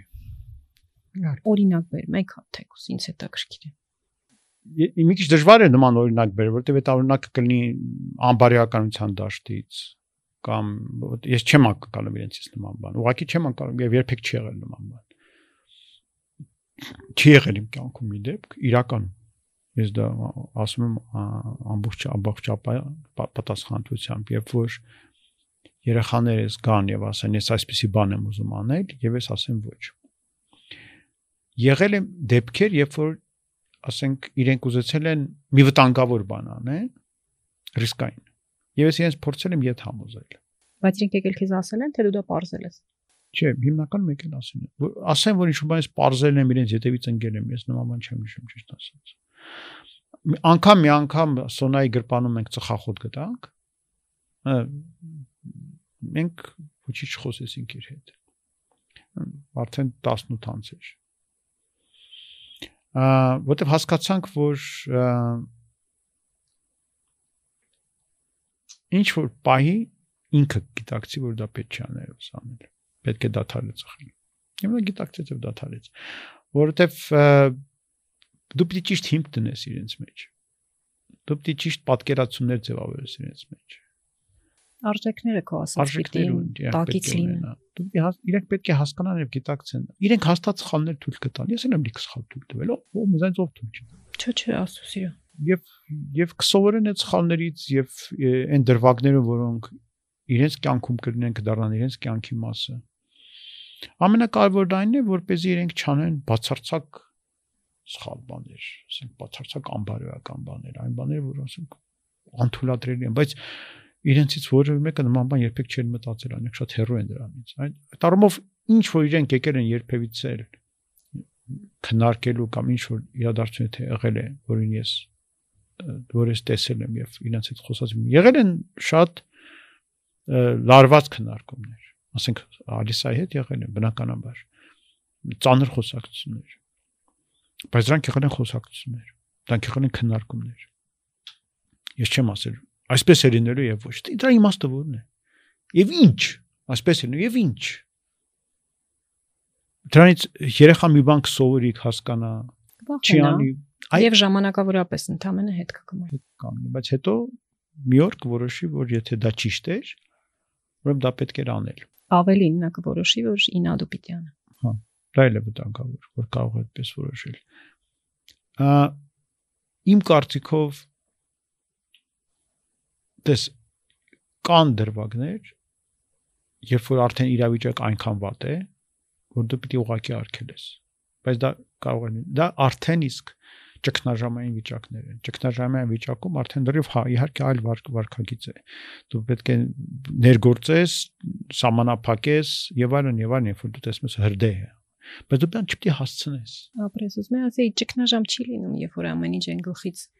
չափավոր պատասխանատվություն, չափավոր ազատություն, զրույցներ, արժեքներ, այդ չափավոր մեղմ պահպանողական ծնող լինելու ամբողջ արգասիքները ուղղակի անխուսափելիորեն չի կարա մի օր ուղղակի հրդեհ։ Ես ասում եմ նա Ալիսան բավականին բարդ երեխա է եղել միշտ, ինքն էլ գիտի որ ինքը բարդ է, հիմա անգամ եթե լսի կընդունի։ Եվ իր հետ մենք որպես ծնողներ ունեցել ենք լիքը խնդիրներ, լիքը։ Ինքն էլ իր հետ ունեցել լիքը խնդիրներ Բայց ես միշտ հասկացել եմ, որ իր հետ խնդիրները մեր դա առաջնահերթ են իր սեփական խնդիրներն են իր հետ։ Դրա արտացոլումն է, որ դրա արտացոլումն է։ Մենք իրեն ժամանակին հոգեբան գտանք, որի հետ նա աշխատեց երկար բավականին։ Մենք մենք ենք իր հետ շատ զրուցել։ Մենք ամեն քայլափոխին օգնում ենք իրեն լուծել իր ներքին խնդիրները։ Խնդիրների մեծ մասը լուծեց, մի մասը չլուծեց, հիմա կարող ենք, չի ասենք վերագրել, ասը դե բնական է, եթե ընտանիքում սխալ իրավիճակ է, երեխայի մոտ խնդիրներ լինում։ Կարող է եւ այդպես է։ Կարող է մեր սխալների հետևանքն է։ Նաեւ իմ պատկերացմամբ ուղակի ինքը այդպես է ծնվել, բարդ երեխա։ Փոքրուց էր ինքը այդպես։ Քիչ յուրահատուկ է, բարդ երեխա էր։ Եվ լուծումը մեկն է։ Ինչ որն է լինի պատճառը, ծնողների խնդիրը, որ երեխայի վրա է անցել, ծնողների սխալ գործողությունները, որ երեխային երեխայի հոգեկան եւ հոգեբանական վիճակին վնասել են եւ այլն երեխայի բնությունից եկած ինչ որ բարդ նախադրյալները, որոնք իր մեջ ինչ-որ զարգացումներ են ստացել։ Լուծումը մեկն է։ Պետք է օգնել երեխային դա հաղթահարել։ Որտեւ վերջը իր մեջ է դա լինելու։ Ինչ որ լինելու է իր մեջ է լինելու եւ այդ ծնողի դերը այստեղ աջակցողի օգնողի դերն է եւ ուղակի զուտ արգելքներով դու խնդիր չես լուծում ինչ ասենք պատիժներով արամ իմաստներից շատ խոսեցինք մեր երեխաները լինելով դպրոցի մարտեսին այդքան տարի աշխատելով դպրոցում հիմա էլ բազմաթիվ գիտական կրթական նախաձեռնությունների հեղինակ եւ եւ դրա մեջ մի մարդ է այսքան տարի կասես մեր երեխաները ունեն իմաստների եւ անգամ չեն վախենա ինքնորոշման խնդիր։ Հայ երեխաները Գիտես, կներես որ թեմայից շեղվում եմ, բայց էլի մեր երեխեքն են, բոլորն էլ մեր երեխեքն են։ Հիմա ես կարող եի հարց տալ միայն քո երեխաներից կամ իմ երեխաների վրա օրինակ բերել, բայց չէ, երեխաները երեխաներն են եւ այնքան փոքր ազգ ենք, որ բոլորն էլ մեր երեխան են։ Ու անընդհատ ես ինձ հարց եմ տալիս, մեր երեխաները ինքնորոշման իմաստների խնդիր ունեն այսօր։ Իհարկե Իմ կարծիքով մեր երեխաների հիմնական խնդիրը հենց դա է։ Դա նոր բան է, թե։ Ա դա նոր բան չէ։ Դա վաղուց կա, դա կար նաև մեր սերնդում, ուղղակի այլ կերպ էր դրսևորվում։ Եվ երբ որ ես փոքր էի, ես պարտավոր էի կրկնել թերադրված ճշմարտությունները, բայց չի հավատում դրա Ես փորձում էի ձևավորել այլընտրանքային ճշմարտություններ։ Եվ հետո գտա դրանք դառնալով հավատացյալ մարդ եւ քրիստոնյա, բայց իմ դպրոցական տարիները եւ իմ համասարանի առաջին երևի տարիները, առաջին երկրորդ տարին ես իրականում ունեցել եմ շատ մշուշոտ պատկերացում նրա մասին թե ինչ է կարևոր որովհետև մեր խորհրդային պետության այդ ամբողջ հավանանք փիլիսոփայությունը գաղափարախոսությունը արդեն իսկ ծայրահ ճգնաժամի մեջ էին եւ դրանց խելամիտ մարդիկ չէին հավատում, բայց խնդիրն այն էր, որ այդ խելամիտ մարդիկ այլընտրանքային սեփական մտածողություն ի վիճակի չէին։ Իրավունք չունեին։ Եվ իրավունք չունեին, եւ այնպես չի որ շատ կարող էին։ Եթե այլ ասեմ, ու դա երևաց արդեն նոր Հայաստանի ստեղծման օրվանից։ Մենք ստեղծեցինք երկիր, որը ստեղծվեց առանց որևէ փիլիսոփայության։ Մենք ուղակի կապիկների նման կրկնօրինակեցինք մեր պատկերացրած լավ երկրների, ճիշտ երկրների համակարգը փիլիսոփայությունը եւ այլն այսպես սոված մարդկանց նման ուտում են իրենց սեղաններից տարբեր բաներ խառը առանց գիտակցելու առանց հասկանալու առանց խորանալու առանց համակարգելու առանց համակարգելու առանց սեփականը սեփական շահը սեփական պատկերացումները սեփական իմաստները իմաստները ձևավորելու սեփական նպատակները Եվ 30 տարի մենք ապրեցինք որպես այսպեսի նորաթուխ պետություն, որը ճունի իր սեփական փիլիսոփայությունը, իր սեփական աշխարհայացքը, իր սեփական նպատակները։ Մենք աննպատակ ուղղակի ապրում ենք եւ մարդիկ որ ապրում են աննպատակ, դա շատ բացահայտ մի հատկանիշ ունի այդ ամենը դրսևորում։ Դա այն է, որ ապագայի զգացողություն չկա դու չես տեսնում քո երկիրը ապագայում դու որպես ազգ ու դրա պատճառով միջև ամենավերջերս Հայաստանում չնչիներ նախագծերի քանակը, որոնք ավելի քան 5 տարվա ժամկետ ունեին,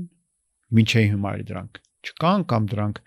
այնպիսի նախագծեր են, որոնք ավելի շատ նախագիծը չեն, երազանքներ են, այսպես ամպագորգոր, որի տակ շատ քիչ բան է դրված, շատ քիչ բովանդակություն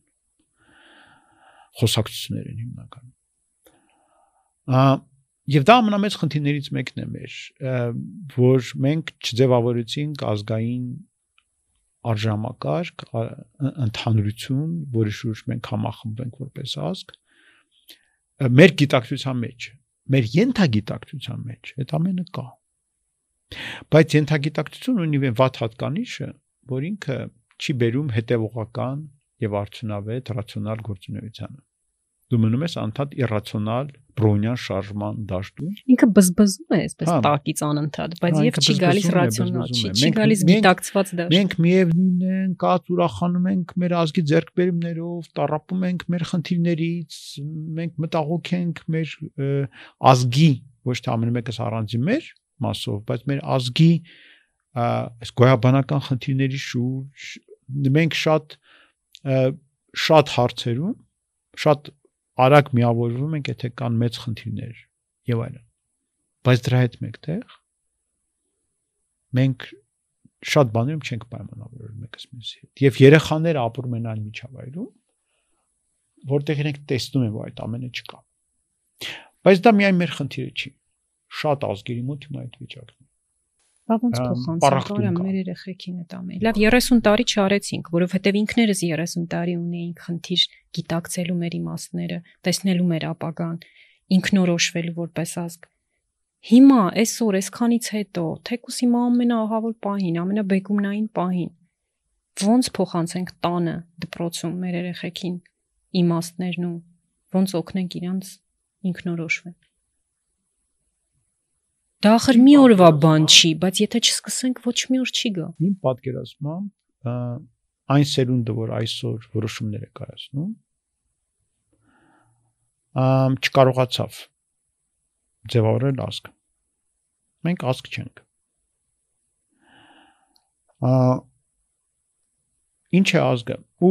շատ ասեմ, շատ ազգերը հիմա այդ նույն վիճակում են։ Իրենք ոչ թե ձևավորում են, քայքայման փուլում Իմ պատկերացմամբ դա գիտես ինչից է գալիս։ Դա գալիս է լուսավոր ճականության ճգնաժամի հետևանքով։ Եթե մենք նայենք ինչ պատահեց 18-րդ դարից հետո, պատահեց մի շատ վտանգավոր բան, որի հետևանքները մենք նոր են գիտակցում։ Absolut դրա հետևանքները անդադ գիտակցության մեջ տեղավորվում էին, բայց վերջնական դրանք տեղավորվեցին միայն այսօր մարդկության գիտակցության մեջ միջև 17-րդ դարը կային կա փիլիսոփայություն այդպես հասկացում փիլիսոփայություն եւ փիլիսոփայությունը բաժանվում էր արտաբանական փիլիսոփայությանը եւ բնական փիլիսոփայությանը Եվ բնական փիլիսոփայությունը ժամանակի ընթացքում ստեղծեց բնագիտական ոլորտներ, քիմիա, որ ալքիմիայից առաջացավ որ փիլիսոփայականների դաշտում էր ֆիզիկան, որը հիմնականում հունական փիլիսոփայության շարունակության գծի վրա էր եւ դրա հետ հետաքրիր այսպես երկխոսության մեջ էր Եվ այլն։ Եվ ինչ որ պահի որոշ փիլիսոփաներ որոշեցին, որ մարդ կարող է շարունակել ձեռք բերել պատկերացումներ աշխարհի մասին ելնելով գիտական մեթոդով, մեթոդից, որը ձևավորվել է գիտության մեջ, եւ այլ մտածողության տեսակ մեզ այլևս պետք չէ որ գիտական մտածողությունը դա միակ մտածողության տեսակն է, որ կարող է տալ պատասխաններ բոլոր մեզ հուզող հարցերին։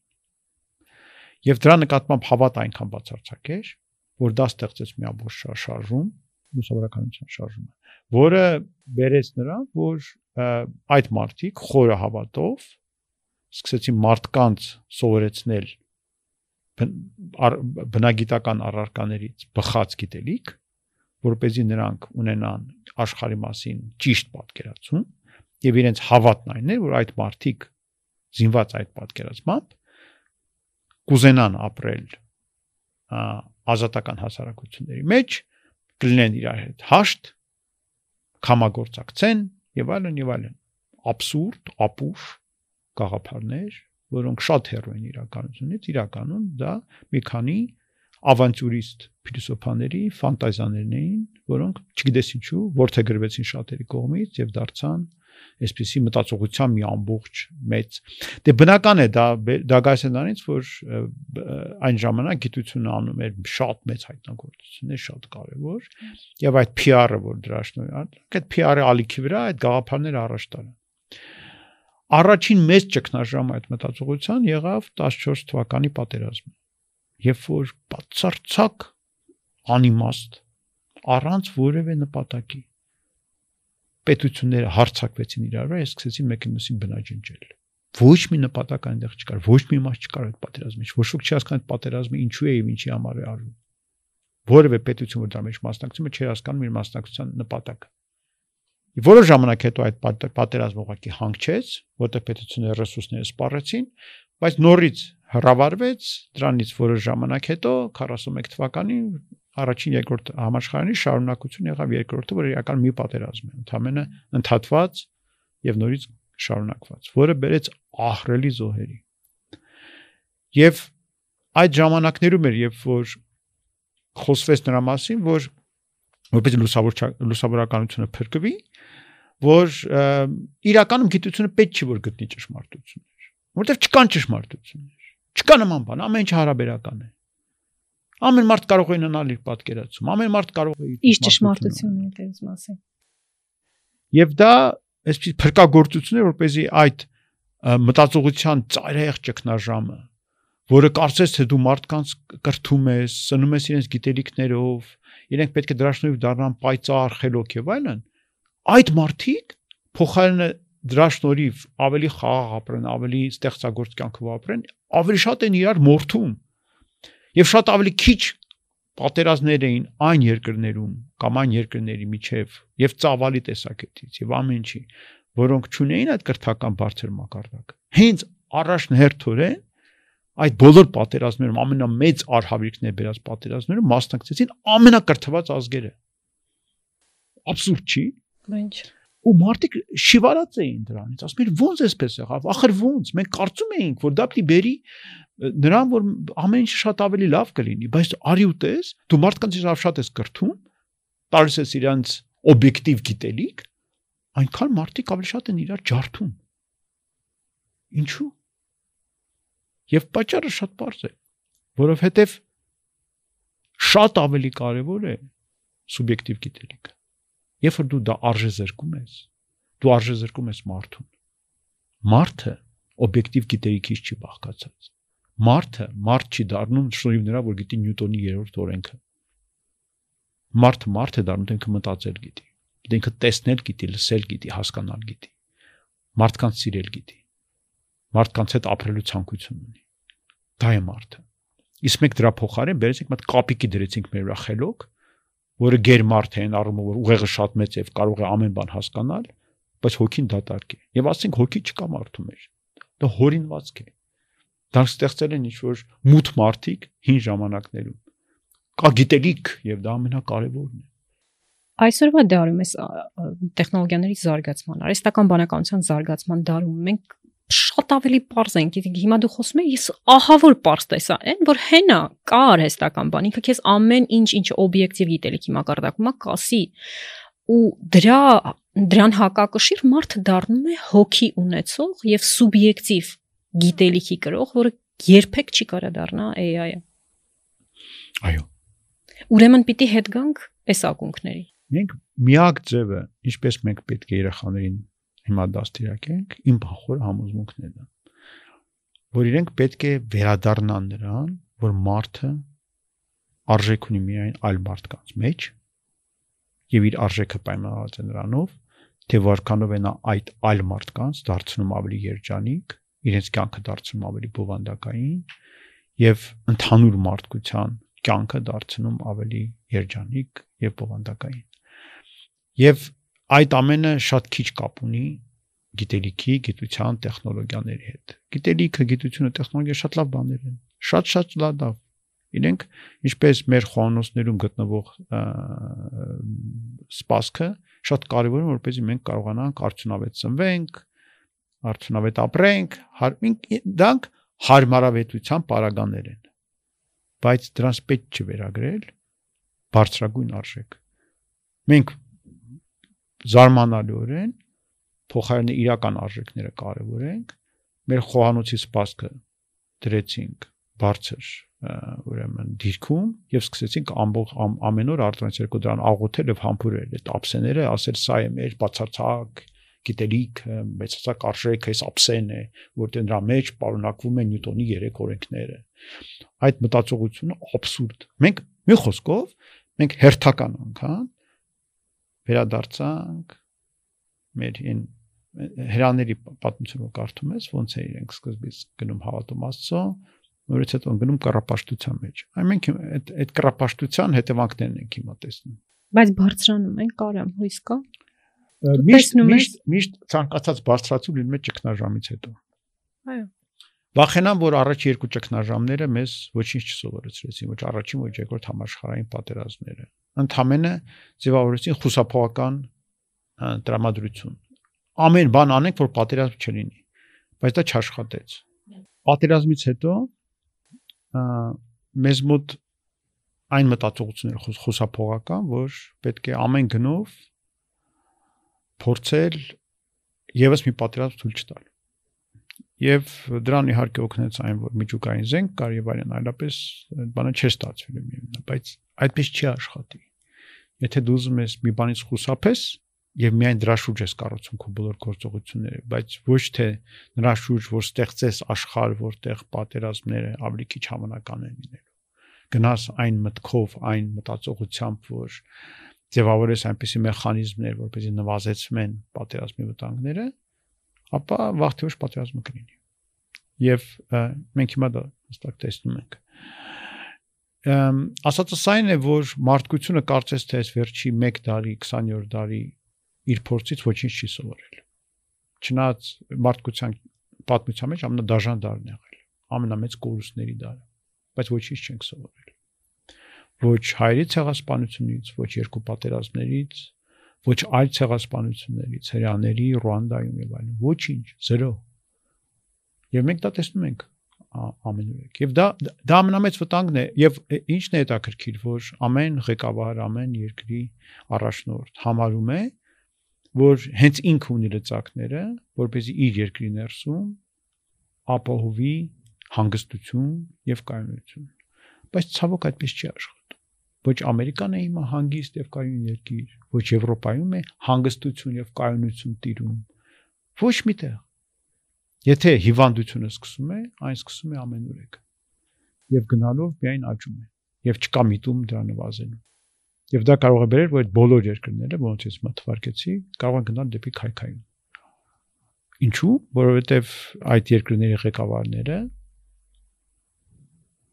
դաթարեցին հետաքրքրվել նրանով, որ իրենք պետք է ազգեր ձևավորեն։ Եվ այդ ազգի կարևորումը գիտակցեն։ Իրենք որոշեցին, որ այդ ընտրանի ունենալը ազգային, այդ ազգանի ազգային ընտրանուն ճիշտ ձևով ուղղորդելը, ազգային ընտրանու կողմից ընդհանուր գլոբալ պատասխանատվության եւ երկրի համար պատասխանատվության գաղափարները առաջ տանելը բանը դա ամենի երկրորդական է իսկ երբ որ եկավ շահերը ավելի կարևոր են իսկ որ եկավ Facebook-ը եւ արժեզրկեց ամեն բան եւ մարդկանց եւ այդ ընտրանու անդամները դարձան մերկ հանրության արչեւ եւ կորցրեցին արդեն որևէ հեղինակության որևէ մասը իրենց արդեն չունեն հեղինակազրկվեցին մենք հիմա ունենք վիճակ որ ազգերը մնացել են առանց ուղղորդման առանց հովիվների եւ միակ միջոց այդ ազգերին պահել վերահսկողության ներքո որն է ուժը ինչին է դա բերելու որ ամբողջ աշխարհը հիմա վերածվել է տոտալիտար երկրների ինչին է դա բերելու տոտալիտար երկրներում ձևավորել է ազգային ընտրանը։ Ինչին է դա բերելու։ Միգուցե որոշ ժամանակ հետո նորից կլինեն ժողովրդավարական հեղափոխություններ եւ աշխարհում կվերահաստատվի ժողովրդավարություն։ Ես հիմա մի քիչ երազում եմ, զբաղված եմ արհեստական բանականությանը բնորոշ հալյուցինացիաներով։ Բայց կարծես թե միտումը դա է, որ ժողովրդավարությունը ամենուրեք թուրանում է, որ տոտալիտար մենապետական միտումները աճում են ամենուրեք մենք դա տեսնում ենք եւ որ եւ դրա բացահայտ ապացույցներից մեկն այն է որ եթե ասենք 2000-ականների սկզբին դեռ եթե պետությունը ստում էր սեփական ժողովրդին դա համարվում էր եզակի դեպքեր աշխարհում եզակի դեպքեր աշխարհում հիմա դա համատարած եւ ամենուրեք է ամեն վարքյան բոլորը ստում են իրեն ժողովուրդներին անընդհատ։ Ու բոլորս գիտենք։ Մենք հասկանում։ Այո։ Այլևս չկա վստահ։ Այո, բայց դա համար 1 հատկանիշն է մենապետական տոտալիտար համակարգերի։ Երբ որ սուտը դառնում է նորմ, մենք դա խորթային միությունում շատ լավ գիտեինք։ Պետք է ամեն քայլը փոխի, ստեինք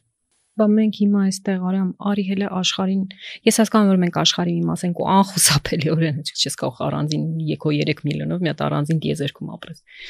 թեև շվեյցարիայի ինստրումենտը շատ լավ հաջողվել է այդ առանձին պատմությունը բայց մեզ հիմա այստեղ ինչը կփրկի ինչ անենք փոքրուց մեր երեխեքին ոնց մեծացնենք փոքրուց ինչ տանք իրենց որ գոնե արխային լինենք որ չենք ձուլվի չենք քայքայվի շվեյցարիան էլ արդեն այն շվեյցարիան չի վերջին հարցումներ հետազոտություններ ցույց են տալիս, որ իրենց մոտենում են խնդիրները։ Ահավոր են բողոքում։ Ես ունենք մի շվեյցարացի պրոֆեսոր, ինքը որ խոսում է, ինձ թվում է ես ավելի երջանիկ եմ, քան իրենք են։ Այո, որտեղ իրենց մոտ կորուստից զգացողությունը շատ ավելի ցավագին է։ Ինչ անենք մեր երեխաներին։ Սովորեցնենք չհանդուրժել սուտը։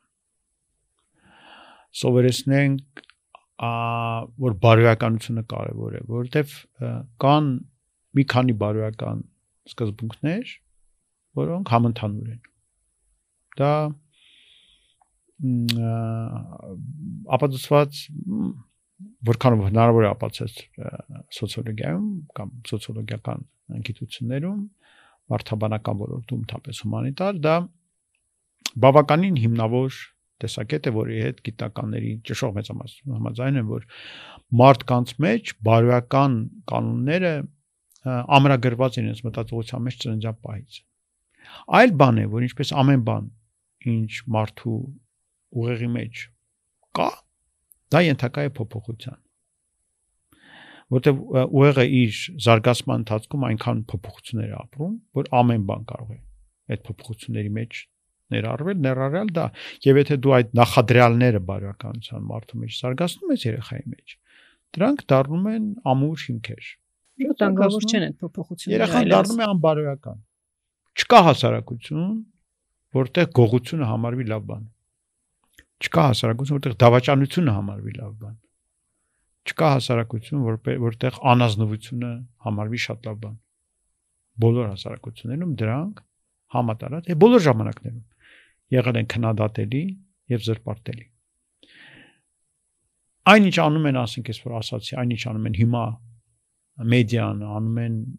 շատ երկրների իշխանություններ դա իր բնույթով հակաբարոյական ես ուզում ասի անբարոյական այն ինչ մենք կարող ենք անել որպես դրան հակադրվենք մեր երեխաների մեջ ձևավորենք բարոյականություն եւ իրենց կյանքը դնենք բարոյական հիմքերի վրա ինչու է դա պետք որպեսզի մեր երեխաները լինեն երջանիկ, գոնե իրենք լինեն երջանիկ, որտեվ անբարոյական մարդը չի կարող լինել երջանիկ։ Որտեվ բարոյականությունը դա միջոց է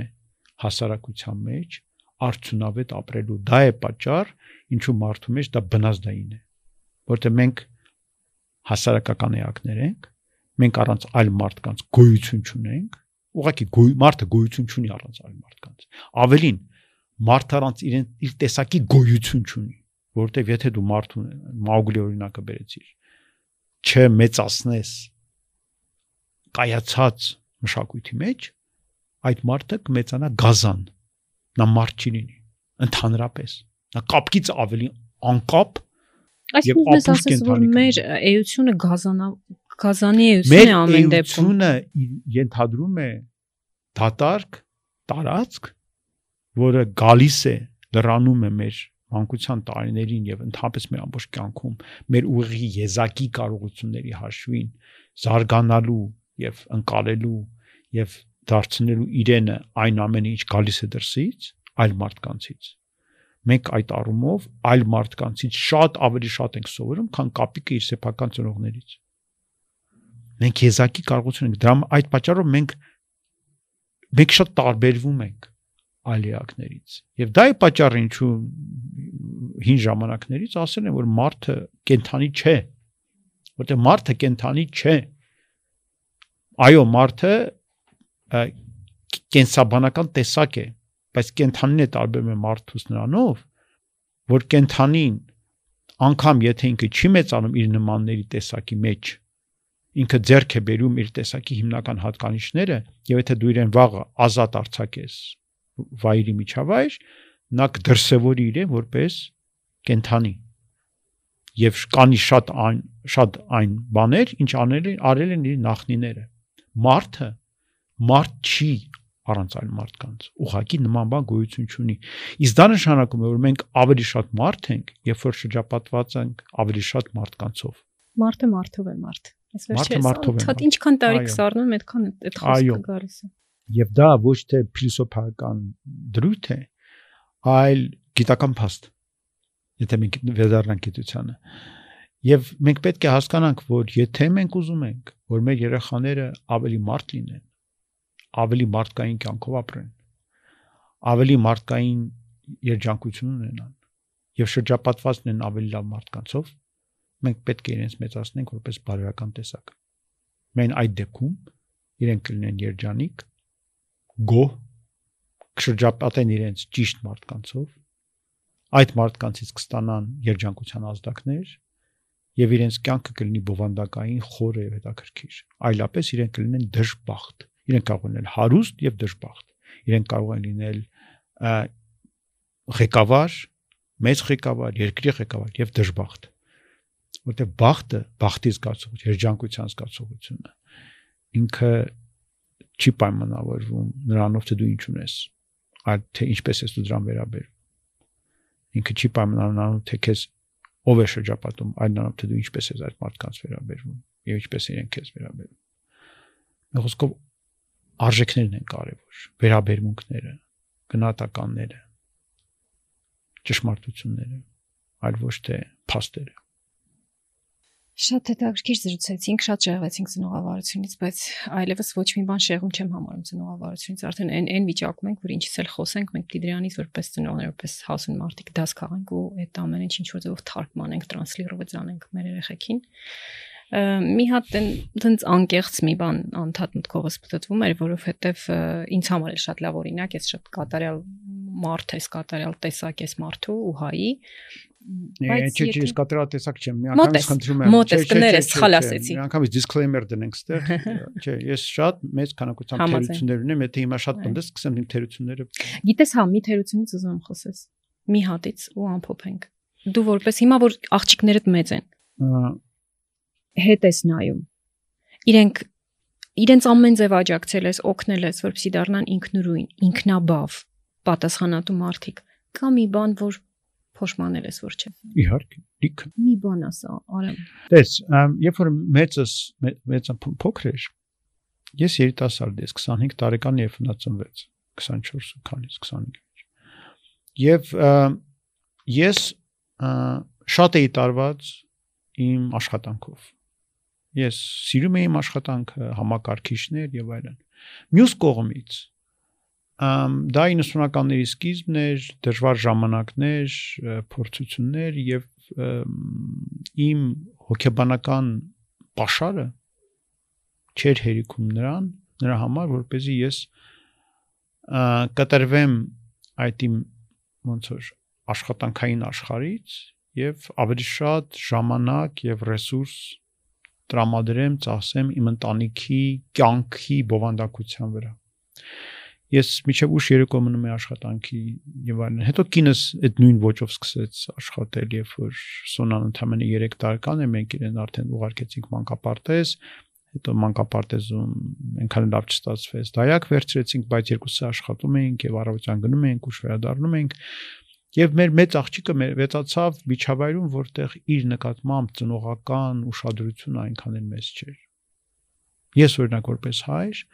Հիմա ահավոր զղջում եմ, որ ես իր համն ու հոտը մանկական այդ երեխային մեծացնելու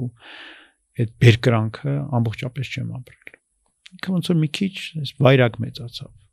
Ու դա ամենամեծ ցավն է, որտեվ շատ լավն է։ Ես իրեն շատ եմ սիրում։ Պայծառություն է։ Ու այդ պայծառությանից ես չեմ ստացել այն ինչ որ կարող եմ ստանալ որպես մարդ։ Եվ խոսքը ոչ միայն հաճույքի մասին է։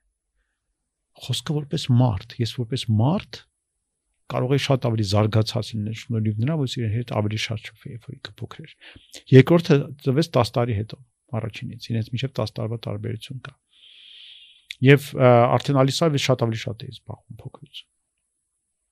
Ես բոլորին խնդրում եի, կնոջս խնդրում եմ, ասում եմ, մի պարկացու ես կամ տուն ես իրեն պետք է ինքս պարկացնեմ, իրեն պետք է հեքիաթ պատմեմ ամեն երեկո նոր հեքիաթ էի հորինում, որ իրեն պատմեմ, որ ինքը քնի։ Ամ որտեվ ես այդ տարիքում միայն երևի թե գիտակցեցի ու հասկացա ինչ մեծ երանություն է ծնող լինելը ինչ մեծ հաճույք է երեխայի հետ առնչվելը շփվելը անցած շատ համառ երեխա է ասենք բան է առանձնատկություններն էր ասենք ժամի 5-ին է հարթնանար ու ինքը հարթնանում էր շատ հաճախ երբ որ փոքր էր ժամի 5-ին 5-ից կես գալիս էր եւ մատերով իմ աչքերը բացում էր որ ես արթնանամ այսպես դնում էր եւ բացում էր եւ ասում էր արի գրանք խաղանք եւ ինքն էր կազմակերպում խաղը ես պետք է անեի այնպես ինչպես ինքն է համարում եւ դա համարում է ճիշտ ես ես խաղում եի մի աչքով քնած մյուս աչքով խաղում եի բայց մեծ հաճույք էի ստանում դրանից միջև հիմա այդ պահերը ես հիշում եմ որպես երանության պահեր ու ես դա իմ մեծ ծղճանքն է որ ես մեծից պարագայում միջև չէի գիտակցում ծնող լինելու կարևորությունը եւ արժեքը այդ ուղերձը ասածիդ մեջ կար մի ուղերձ, արդյոք կար մի ուղերձ, որ հիմի հիմա մեզ լսող երիտասարդ 25 տարեկան ծնողներ, ովքեր հիմա ունեն փոքրիկներ իրենց առաջնեկներին, կարող ենք ձևակերպել, որ ուղակի քանի որ մեծ հավանականությամբ հետո փոշմանելու եք ու ավելի շատ ձեզ համար քան անգամ այդ երեխու, այսինքն ձեր բացնադա լինելու, որ այլևս երբեք չեք լրացնելու ասենք որ ուղակի հատկացրեք ժամանակ երեխեքին անգամ եթե արտակարգ կարող եմ ուրիշ կերպ ասել դա մենք դառնում ենք ավելի խելոք երբ որ անում ենք երկու բան ընդհանրապես ու ինչքան որքան ավելի շատ ենք անում այնքան ավելի խելոք ենք դառնում այդ երկու բանը առաջինը լսել, տեսնել եւ դիտարկել եւ երկրորդը ուշադիր լինել անընդհատ լինել ուրشادիր։ Միշտ գիտակցել, թե որտեղ է քո ուշադրությունը, ինչի վրա է։ Դարը։ Եվ եթե այդ երկու բանը անում ես, դու ա միշտ երջանիկ ես, որովհետև դա ես արդեն կարող եմ վերել մեծ հետազոտության արդյունքներով հստակ փաստարկել որ դա այդպես է։ Բայց երկրորդը քո ուղեղը արագ զարգանում է, որտեղ մեր ուղեղը հենց դրանով է սովորում։ Մեր ուղեղի սովորելու մեխանիզմն է դա՝ ուշադրություն, եւ դիտարկում։ Երեխային նկատմամբ պետք է լինել ուշադիր եւ անընդհատ իրեն դիտարկել։ Եթե դուք ուզում եք կյանքում հանգիստ լինել երեխայի համար, երբեք չանհանգստանալ իր համար։ Ընդհանրապես պետք է իր նկատմամբ լինել ուշադիր եւ անընդհատ իրեն տեսնել։ Նայեք իր վրա, ուսումնասիրեք իրեն, տեսեք իրեն, լսեք ինչ որ ասում է, բանի տեղ դրեք այդ ամենը, կարևորեք, լսեք ու լսեք ամեն խոսքը Ուշադիր եղեք իր ասացի նկատմամբ։ Այդ դեպքում դուք կլինեք երջանիկ ծնող։ Երեխան է կլինի երջանիկ երեխա։ Ինչ շատ հաճախ ասում են, ո՞նց անենք երեխան ընկել է համակարգչի ձեռը առտվանից երեկո չեն կողանում կտրենք խաղեր է խաղում։ Ես ասում եմ, իսկ ի՞նչ խաղ խաղում։ Ասում եմ, չգիտեմ ինչ խաղ ասում ոչ չգիտեք։ Ոչ չգիտեք։ Ձեր երեխայի ամենակարևոր բանը կյանքի դուք չգիտեք։ Ինքը ձեր երեխան է, թե հարևանի։ Ո՞ւս կարող է նման բան լինի։ Դուք ոչ պետք է իմանաք, թե ինչ է խաղում դիմանակ այդ խաղի բնույթը, մանրամասները, մակարդակների քանակը, ամեն մակարդակում ինչ ես անում։ Մի 10 անգամ է դուք իր այդ խաղացածն եք այդ խաղը։ Դու տարել ես, ես հիշեցի, որ այբ դպրոցում ինչ որ մի տարիքի դեռասների հետ ցենց կանգնած միջանցքում մի օր քննարկում ես, ասինք ցենց մտածեցինք, ես ինչ կողքով ականջ դրեցի, դու քննարկում էիր խաղ, որի մեջ այդ տարիքի բոլոր երեխեքն էին այդ ժամանակ, դա մի քանի տարի առաջ էր, եւ դու մտել էիր եւ դու գրանցվել էիր եւ դու խաղացել էիր եւ դու իրանց հետ ու այդ երեխաների աչքերը, որ մեր տնորենը մեր հետաքրքրություններից տեղյակ է կիսում անգամ հետա դա քեզ պետք չէր ես ես գիտեմ որ դա քեզ պետք չէր դու դա արել ես որպեսզի եզր գտնես այդ երեխեքի հետ որ մի հատ դա քննարկես հետևից մի հատ էլ ֆիզիկա կամ անալիզիկ մտածողություն անպայման դասը քննարկես եթե դու ուզում ես երեխան քեզ հետ լինի դու պետք է իր հետ լինես դու չես կարող ակնկալել որ երեխան կգա այնտեղ որտեղ դու ես դու պետք է միշտ իր հետ լինես։ Եթե երեխան մտել է համակարգչի մեջ եւ ինչ որ խաղը խաղում, եւ ասում մի խանգարիր, դու չպետք է խանգարես, դու պետք է իր հետ լինես։ Նստի հետևը կողքը նայ ինքը ինչ է անում։ Հետը խաղա, հարցրու ինչու այստեղ գնացիր, սա ինչ արեցիր, բան, հետաքրքրվիր կես ժամ հետա քրքրվես, կես ժամ հետո ասես դե հիմա գնանք մի հատ ուրիշ բան քեզ ցույց տա։ Չի մերժի։ Թռնի կգա հետ։ Որտեղ դուք իրար հետ եք եւ դա իր համար շատ կարեւոր է։ Եվ դա պետք է գիտակցել ընդհանրապես։ Եթե դու դա հասկանում ես, դու երեխայի հետ խնդիր չունես։ Բոլոր ծնողները, որ միշտ երեխաների հետ են, անկամ եթե իրանք հեռու են, իրենք մտքով, իրենց ուշադրությամբ շարունակում են երեխայի հետ լինել, այդ բոլոր ծնողները երբեք չունեն խնդիրներ իրենց երեխաների հետ, երբեք։ Անկամ եթե երեխան դժվար երեխա է, բարդ երեխա է, ասենք ներքին լարվածություններ ունի, հոգեբանական բարդություններ ունի, միևնույն է իրենք այդ կապը պահելով միշտ հանգիստ են։ Եվ հետո երեխան հեշտությամբ կառավարելի կերպով եւ դու եւ երեխան այդ կապը, որը ծնող երեխա կապ է, վերածում եք ընկերային կապի։ Եվ երեխան դառնում է հասուն մարդ, 18 տարիքում հանգիստ սկսում է ապրել սեփական կյանքով ու դու չես ընկնում 40 տարեկանում իրան խորհուրդներ տալի թե ինքու հետ պիամուսնանա կամ ինչ պետք է անի եւ չես մտածում ոնց անում ես երախուն աշխատանքի տեղավորեմ, որտեվ մնացել է առանց գործի։ Որտեվ դու գիտես, որ այդ երեխային դու իր հետ ճանապարհ ես անցել, շատ բան սովորեցրել ես եւ ինքը ինքնուրույն հիմա քեզ քեզ է կանցնի քո առածն է տասնապատիկ ավելի շատ կանի, որտեղ ինչ որ դու կարող ես իրեն տալ, դու տվել ես։ Հիմա արդեն իր ճանապարհն է։ Այ այ դա պետք է ծնողը գիտակցի, որ ինքը իր ժառանգությունը հիմնական գումարը չի։ Իր ժառանգությունը այդ կൂട്ടակական փորձն է, որ դու այդ երեխայի հետ շփման մեջ անընդհատ ինքը քեզնից ստանում է, ստանում է, ստանում է, եւ դու ես սովորում, եւ իր հետ կիսվում ես, ինքն ինքն էլ է սովորում, քեզ հետ է կիսում։ Դուք երկուստ է հարստանում եք, բայց ինքը ձերք է բերում այդ 20 տարվա մեջ այն, ինչը ինչը դու ձեզ քեզ բերել ոչ այդ քո ամբողջ կյանքում։ Այդ նույն բանը։ Եվ նա ստանում է այդ իմպուլսը սկզբնական շարժման, որի շնորհիվ նա հաստատ քեզանից ավելի շատ բանի կհասնի։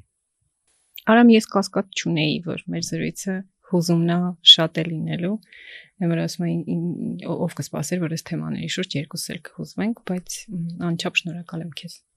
Այն տեսակի համար, որ դու կաս, որ դու սենց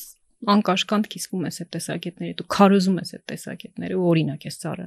Միայն քարոզը չի։ Շնորհակալ եմ շատ, որ եկար։ Ես իմ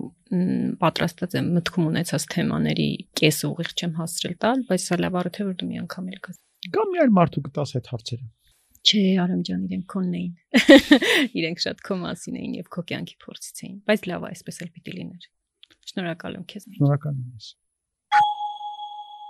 Այնքան շատ բան կար վերցնելու Արամի հետ զրույցից, որ հիմա երբ փորձում եմ ամփոփեմ, ինչ որ մի միտք տամ, որ բոլորս վերցնենք ու գնանք, դժվարանում եմ, բայց հենց վերջին մտքի վրա այլ կուզեմ հատուկ ուշադրություն դարձնենք։ Ինչպես Արամն ասեց, երջանիկ ծնող լինելու համար պիտի ունենանք երկու հատկություն։ Տեսնենք մեր երեխաներին, նայենք մեր երեխաներին, դիտարկենք մեր երեխաներին եւ լինենք ուրشادիր նրանց նկատմամբ, ուրشادիր նրանց հետաքրությունների նկատմամբ, ուրشادիր նրանց դժվարությունների նկատմամբ։ Եվ այդ դեպքում կարող ենք միշտ անհոգ լինել նրանց ապագայի համար եւ այդ դեպքում կարող ենք ապահովել ծնող երեխա այն ամուր կապը, որը երբեք անգամ տարիներ անց չի խախտվի ու չի թուլանա։